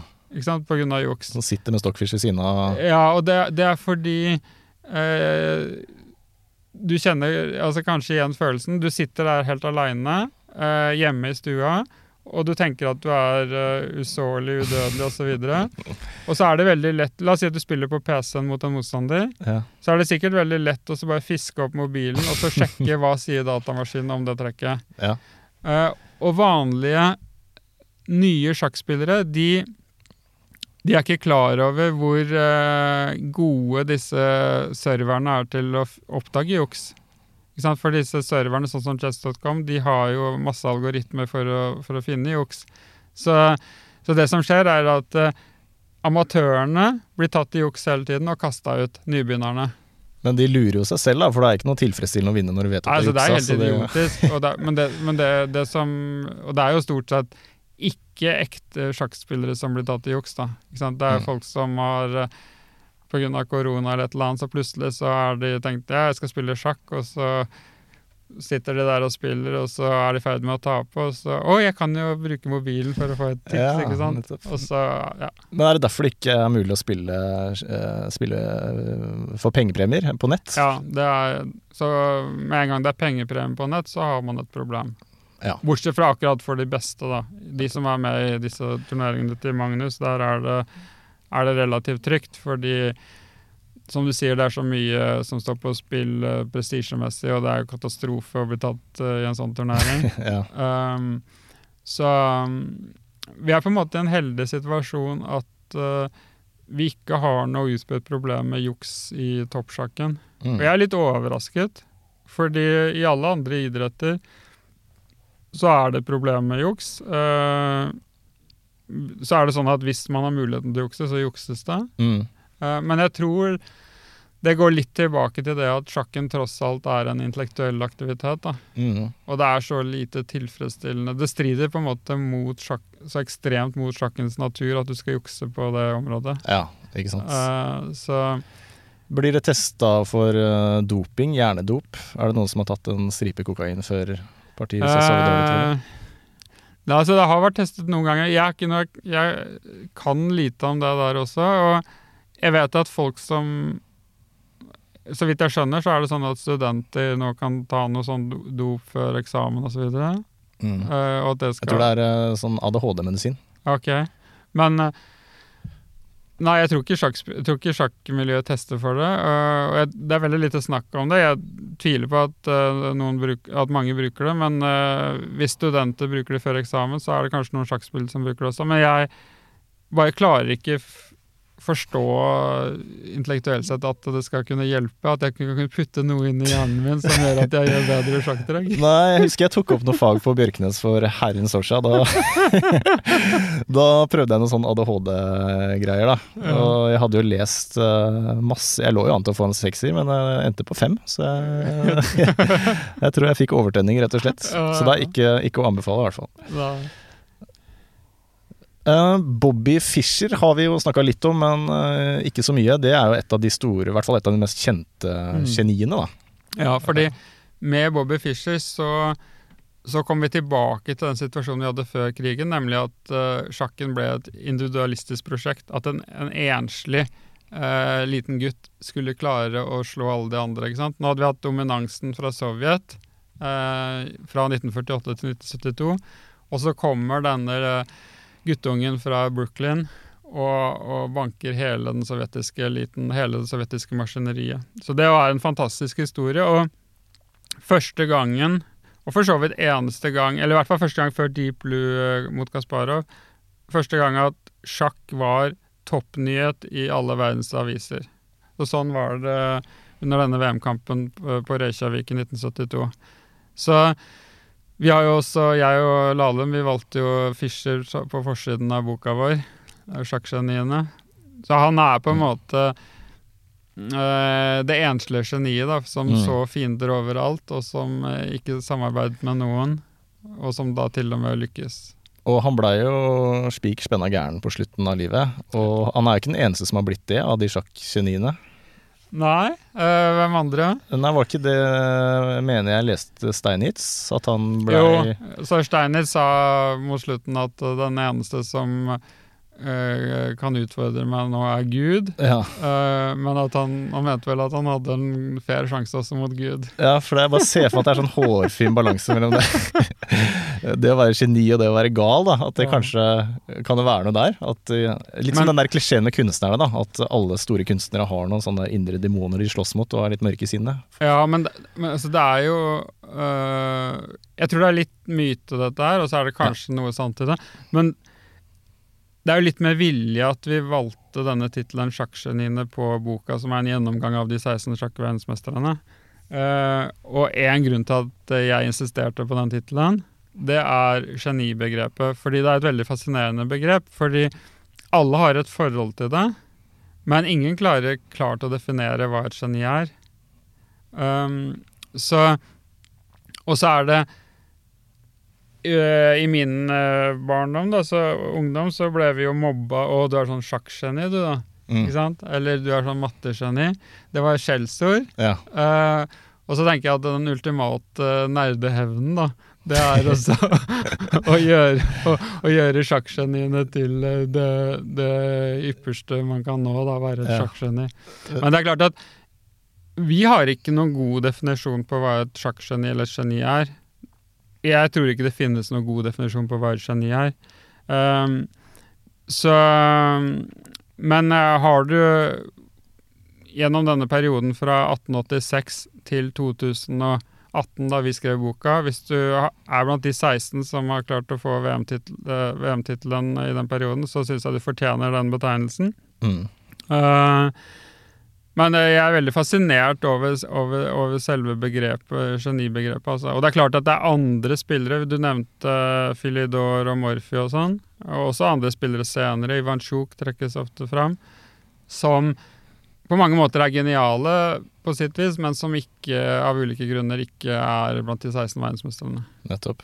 Så hvis vi skal prøve da å eh, oppsummere hva dette geniet egentlig er, så er det jo Ja. da sånn at eh, det er noen som tror, eh, som faren til Judith Polgar og Geir, tror at det kan skapes. Ja. Vi andre, eller i hvert fall jeg, tror det er mye som er medfødt. Ja. Men det som er sikkert, er at man må starte tidlig. Ja. Og så er det en ting som jeg vil understreke, da, som er blitt enda klarere de siste 10-15 årene, det er at uh, genier er ikke perfekte. Um, og det, det syns jeg blir veldig klart nå med Magnus Carlsen og computere. Fordi Magnus spiller veldig mye, og vi har tilgang på dataanalyser hele tiden. Og vi ser jo at Magnus gjør ganske mye feil. Og han spiller tross alt 700 ratingpoeng lavere enn en, enn, eh, enn de beste dataprogrammene. Så geni betyr ikke at du er perfekt, men geni betyr at du har Uh, Du er en ener, selvsagt, på det området vi snakker om, uh, blant mennesker. Men som, i tillegg så må du ha noe ekstra. Altså, det det er ikke Du kan ikke du kan ikke bare trene deg opp til å bli et geni, men du må ha noe ekstra. Ofte så vil vi si at eh, i hvert fall så må de ha en slags kreativitet. da. Og er Og det vil jeg si at alle de 16 har. De har en slags eh, ekstra kreativitet. men det er dette ekstra som er det liksom litt uangripelige, da. Ja. Men som kanskje kommer mer til syne hos Capablanca, eh, Carlsen, som vidunderbarn. Så Ja. har de dette Man ser at de har dette ekstra før de har trent 10 000 timer. Ja, de har det ganske tidlig, men selv eh, Men selv Magnus øh, Han var jo Som åtteåring så var han ikke så god. Uh, og det er jo ganske morsomt at han tapte de første partiene mot storesøsteren Ellen, Ja. som bare er ett år eldre. Ja. Og det, det sies jo at det var det som motiverte ham til å bli sjakkspiller. Da gikk det en faen i han, og så Ja. Og så begynte han å slå Ellen. Det er første turneringen eh, Magnus spilte Eller nei, den første, ja, den første turneringen han spilte på Korsvoll. Så kom han midt på treet. Så spilte han NM på Gausdal i 1999 i minifoot-klassen. Da tror jeg han kom på 11.-plass, som ikke er spesielt bra. 11.-plass i Norge. Um, og så Så han eh, Men så, fra han var ni, året etter Eh, fra han var ni til ti, så gjorde han, vanvittig, gjorde han vanvittig framgang. Og, og gikk opp til nesten 2000 i rating Ja. eh, på, på ett år. Og det Ja, og siden så er Så gikk jo historien som vi vet. Så Men selv han, da, som var et vidunderbarn, var litt rufsete i starten. mm. Så, det, så det- så man må ha Man må ikke ha 10 000 timer før geniet skal vise seg, men man må ha noe input. Men kanskje søsteren Ellen også var et vidunderbarn, for alt vi vet. Men at Magnus Carlsen hadde dette med at dopaminet bare fortsatte å pumpe hver gang han spilte sjakk, mens Ja. det stoppa hos Ellen. Ja, ja, og det, jeg tror Ellen og Magnus er Jeg tror de har ganske like uh, forutsetninger. Mm. Uh, intellektuelle forutsetninger. Og det er faktisk et intervju med Ellen i Jeg lurer på om det var uh, The New Yorker ja, i, for et par uker siden. Hvor hun snakker litt om disse tingene her. Mm. Hvorfor hun stoppet eh, mens Magnus fortsatte. Ja. Um, for de er eh, Så Ellen endte jo opp som, uh, uh, som lege. Men hun er også veldig god i sjakk, er hun ikke det? Jo, altså hun er Hun er veldig god for så vidt, men altså hun, hun er jo 1000 ratingpoeng under Magnus, da. Mm. Eh, men hun absolutt hun er en, sterk, en meget sterk eh, Ja, jeg trodde hun var aktiv, men hun er kanskje ikke det. Nei, hun er ikke spesielt aktiv lenger. Men, men det er interessant hvorfor uh, han fortsatte og hun, eh, hun sluttet. Mm. Mm. Eh, Men svaret på det er eh, kanskje ikke noe vi klarer å finne ut av her. Nei, det er jo også et eh, kjønnsaspekt. Da. Det var det The New Yorker var opptatt av. Ja, okay. Om hun ja. sluttet fordi hun var jente. Ja. Eller hvorfor er det generelt så utrolig mange flere menn som spiller sjakk i forhold til kvinner? Ja, og det De fleste Altså øh, Det viser seg at gjennomsnittsnivået på kvinnelige sjakkspillere er visst ikke noe dårligere enn gjennomsnittsnivået på mannlige sjakkspillere. Snarere tvert imot, tror jeg. Mm. Um, Men det er veldig få, bare. men det er veldig få, så da kan man spørre seg hvorfor er det ikke flere kvinner som velger å fortsette, da? Hvorfor gjør du sånn som Ellen, nemlig slutter? Mm. Så, og det jeg, tror det må bli en egen podkast. Det er veldig interessant, da. Men jeg er helt enig, det er en egen For, for det er et tema som er veldig Det angår sjakken, men det er mye større enn sjakken. Ja, ikke Ikke sant. sant? Fordi det handler om kvinner og menn. Mm. Og kvinner og menn er jo ganske sentralt uh, i, i samfunnet og i Ja. Så det er uh, spørsmålet kvinner, om kvinner og menn, det er uh, Jeg føler at det er vanskelig for meg som sjakkspiller å si noe veldig bastant om det, for det er så stort tema. da. Det er stort. Og hvis vi skulle gått skikkelig dypt i det, så burde vi hatt en kvinnelig sjakkspiller her som Ja. kunne vært med. da. Eh, Men det kommer en eh, VM-kamp om ikke så lenge, i november, mellom eh, Magnus Carlsen og Jan Nepomnatsji. Er han et geni, eller? Nipomniachtchi er Han er hvert fall et, han var i hvert fall et barnetalent. Han slo jo Magnus eh, to ganger da de var eh, 11-12 år gamle. Så han hadde jo tak på Magnus. Og han eh, kom foran Magnus eh, i disse VM og EM på den tiden, for, i barneklassene. Um, og så beholdt han faktisk det taket på Magnus ganske bra, og har fremdeles plusskår mot Magnus i langsjakk. Så han er den eneste i verden i toppen der som har plusskår mot Magnus. Uh, nå har de spilt veldig mye lynsjakk og urtesjakk mot hverandre, hvor Magnus har plusscore, da. Så det er ikke sånn at Magnus har et uh, kompleks mot Nipomniachtchi. Men uh, at han er en farlig motstander, det viser helt tydelig disse langsjakkresultatene. Så han er litt rufsete. Så han er, han er mer rufsete enn f.eks. Sergej Karjakin og Fabiano Caruana, som var de to tidligere motstanderne til Magnus. Så Sånn sett så er Nipomniachtchi mer en bohem og kunstner. Mm.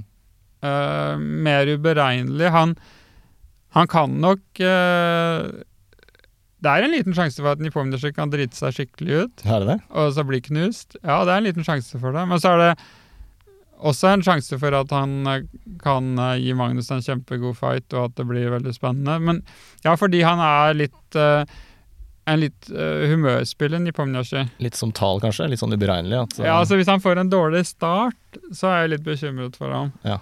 Uh, hvor, hvis f.eks. Karjakin eller Caruana får en dårlig start, så tror jeg de klarer å kontrollere seg og så spille noen remier, og så sakte, men sikkert prøve å komme tilbake.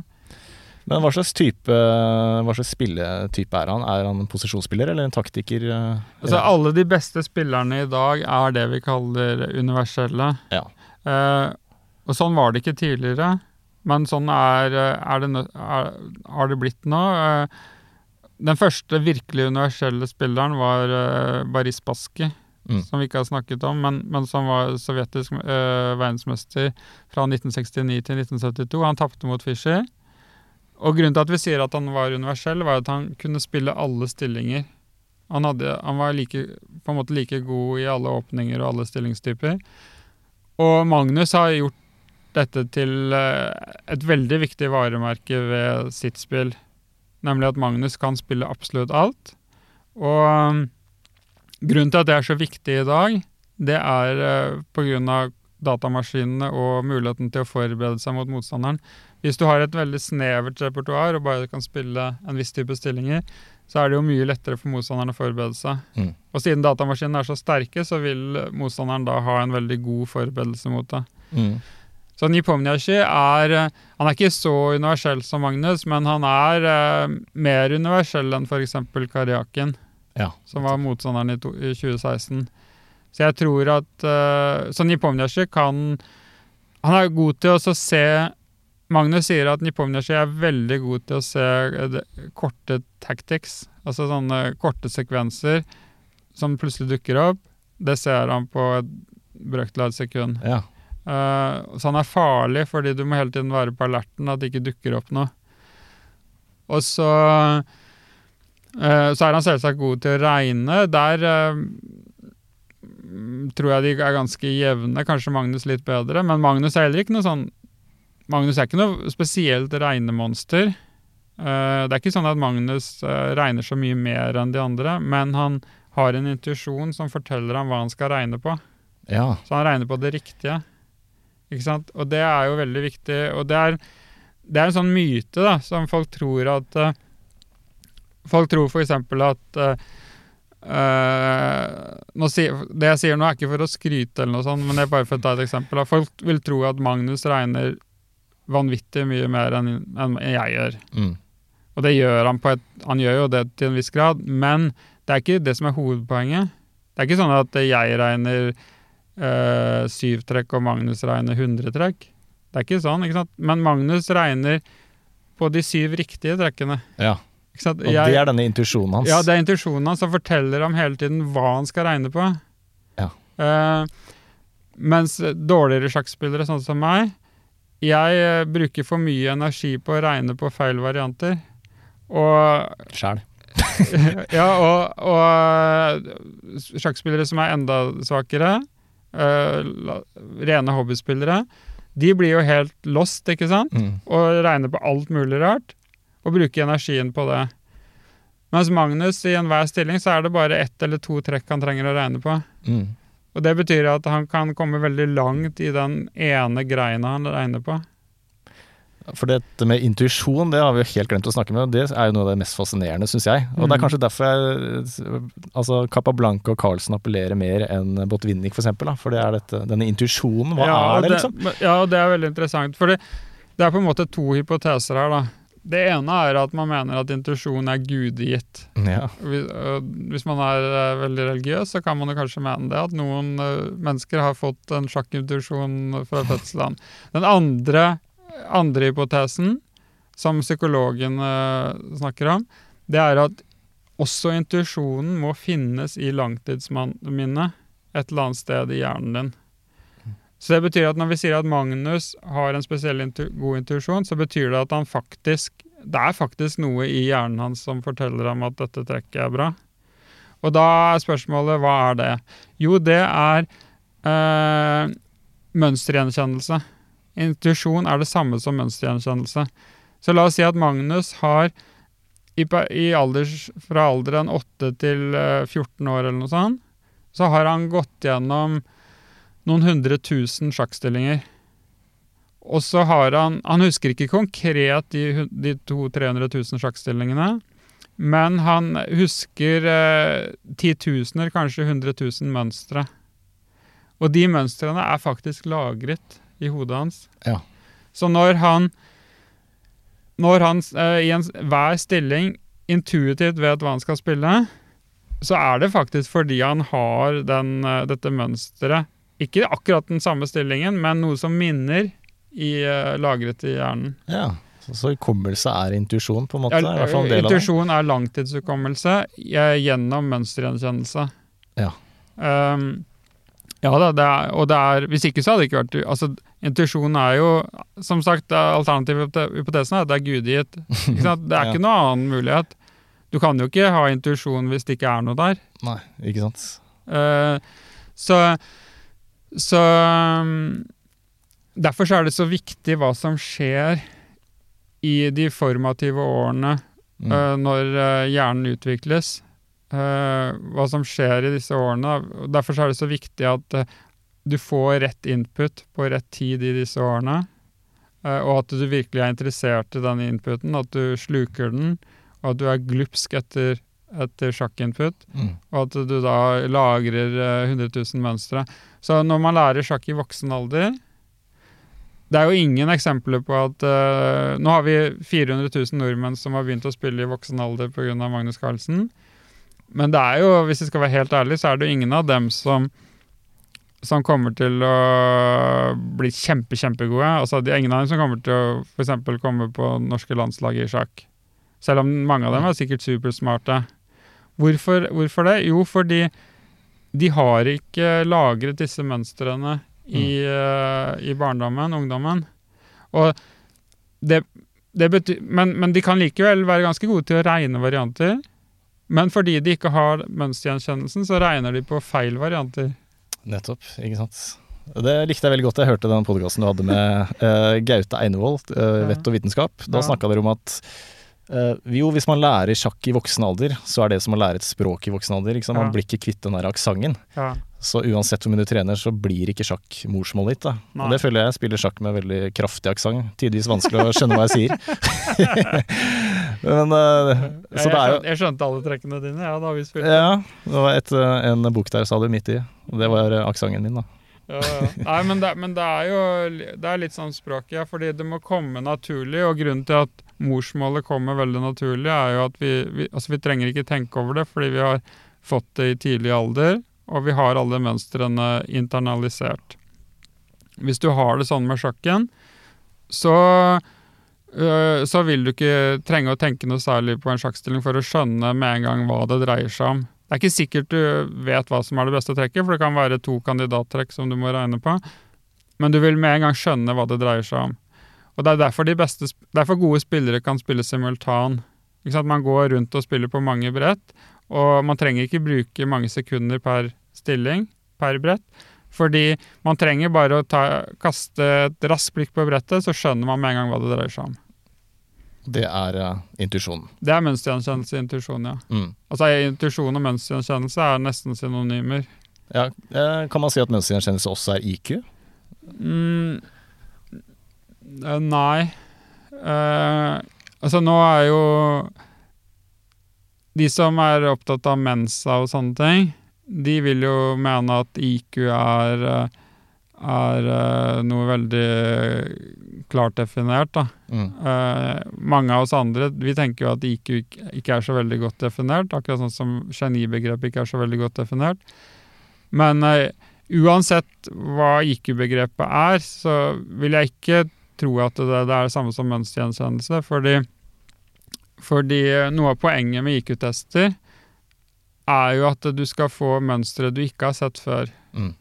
Eh, og likevel skal, og så er det spørsmålet hvem er det som løser best et mønster man ikke har noe erfaring med. Nettopp. Men det er jo ganske mange geometriske øvelser i sånne IQ-tester, Ja, så det må være Så, noe overlapp her. Så problemet med IQ-tester, et problem med IQ-tester er jo at man kan delvis øve seg Øve opp en IQ, øve, øve, forbedre IQ-scoren ved å øve seg på disse geometriske mønstrene. Men det viser jo egentlig bare at testen har en svakhet. Mm. Fordi en IQ skal jo være et absolutt mål som ikke skal uh, variere med, med input og trening. Mm. Uh, så det viser jo bare at uh, IQ-testene ikke helt fungerer. Men den perfekte IQ-testen vil, så vidt jeg har skjønt, da, vil eh, teste intelligensen din eh, uavhengig av hva slags input du har. Mm. Så du kan ta en person fra Grünerløkka i Oslo og en person fra den andre, på den andre siden av kloden. To personer med helt ulik bakgrunn. De skal kunne gjennomføre den samme testen, og man Ja. kan måle hvem som er, mest intelligent. Men det fins vel, så vidt jeg vet, mange ulike typer intelligenser, så IQ-testen er vel bare et mål på en en Ja, og så er spørsmålet om noen Jeg tviler på om man har klart å, å finne en IQ-test som er god nok, da, som klarer oss å Mm. eliminere all uh, mulig inn, innlæring. Mm. Da føler jeg at vi har uh, virkelig dekoda sjakkgeniet, uten at vi har skrevet to streker under svaret. Men det er det som gjør det geniet litt spennende. Da. At det er litt sånn Hva er det, liksom? Ja, det er et fantastisk uh, begrep, fascinerende begrep, og, som både har denne folkelige appellen, ikke sant, og som, og som kan, muligens også kan gjøres mer vitenskapelig, sånn som eh, vi har prøvd på i dag. ja. Eh, hvor tror du sjakken eh, er om 50-100 år? Bare Eh, avslutte med det. Ja, nei eh, Jeg tror sjakken alltid vil fascinere oss, eh, fordi det er et rent spill det rene intellekt eh, mot det rene intellekt, hjerne mot hjerne, uten hjelpemidler. Den biten vil alltid fascinere. Eh, så den, den tror jeg er tidløs og vil, vil bestå. Og så uh, tror jeg at konkurransesjakken vil få noen utfordringer og sannsynligvis endre seg ganske kraftig. Fordi uh, pga. datamaskiner, pga. muligheten til juks, og på, fordi sjakkteorien blir så overveldende osv. Så, videre. så jeg personlig driver jo med en litt annen variant nå, nemlig Fischer-sjakk. Hvor vi ikke har uh, åpningsteori, men hvor vi trekker lodd om stillingen, eller datamaskinen bestemmer stillingen før partiet. Og da føler jeg at man får denne rene hjerneduellen tilbake. Så jeg er hekta på akkurat den varianten. Uh, men sjakkspillere er jo ganske konservative, så jeg tror nok sjakkspillere flest vil holde på den klassiske sjakken. Og så er jeg spent på hvordan eh, For vanlige spillere, sånn som du og meg, så vil det ikke bety så mye at, eh, det, at det finnes muligheter for juks, og at det finnes mye sjakkteori. Men det er klart at for eliten så kan det etter hvert bli et problem, da. Mm. Som man må, må løse på et eller annet vis. Men Fischer-sjakken er i hvert fall redningen, da, hvis sjakket på et eller annet tidspunkt skulle bli løst, eller computerne blir for uh... Ja, jeg er ikke så bekymret for at sjakken skal bli løst. Det er jeg ikke bekymret for. Så jeg, sånn sett så Fischer-sjakken er redningen for, uh, for alle som synes det blir for mye åpningsteori, da. mm. Og som bare vil oppleve denne fantastiske gleden det er å sitte med en motstander og prøve å knuse den motstanderen. Det er så deilig. Vet- Det er veldig deilig. Det beste er å straffe de som prøver på sånne triks tidlig. Ut med dronninga tidlig. Ja, ja. straffe det, det syns jeg det er bedre enn å vinne. Ja. Det Du, bare avslutte med å skryte litt av de bøkene dine. 'Sjakken eller livet'. Uh, glass rødvin eh, på trappa eller eh, på balkongen eller ved siden av peisen. Fantastisk bok. Det er jo en bok også for folk som ikke nødvendigvis er så interessert i sjakk, men det er jo kanskje en inngangsport, da. Det er absolutt en inngangsport, og det er eh, Altså hvis eh, alle som som er såpass åpne for sjakken at de vil høre på en podkast om sjakk, de kan også lese denne boka. Ja, absolutt. Og så er det sjakkgeniene som vi har snakka mye om i dag. Skrevet med Hans Olav Lahlum. Lahlum. Lahlum. Eh, kanskje litt mer for de som allerede er interessert i sjakk, er min påstand, men veldig lærerik. Ja, den, den går jo da gjennom historien, men med fokus på personene. Ja. Så ingen av disse bøkene har disse vanskelige sjakktrekkene som, eh, og sjakkdiagrammene. I hvert, fall ikke i mange av dem. Eh, Så ingen av disse bøkene fokuserer på det sjakktekniske, men på de fantastiske personlighetene. Og det er mange eh, eksentriske, interessante personligheter eh, de siste hundre åra. Eh, blir det noen ny sjakkbok?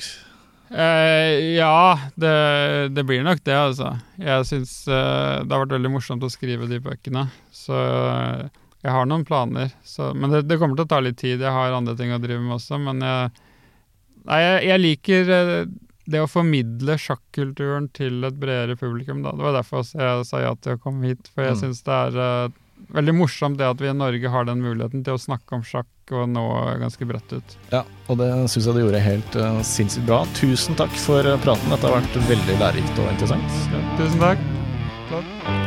Denne podkasten er produsert av Tid og lyst.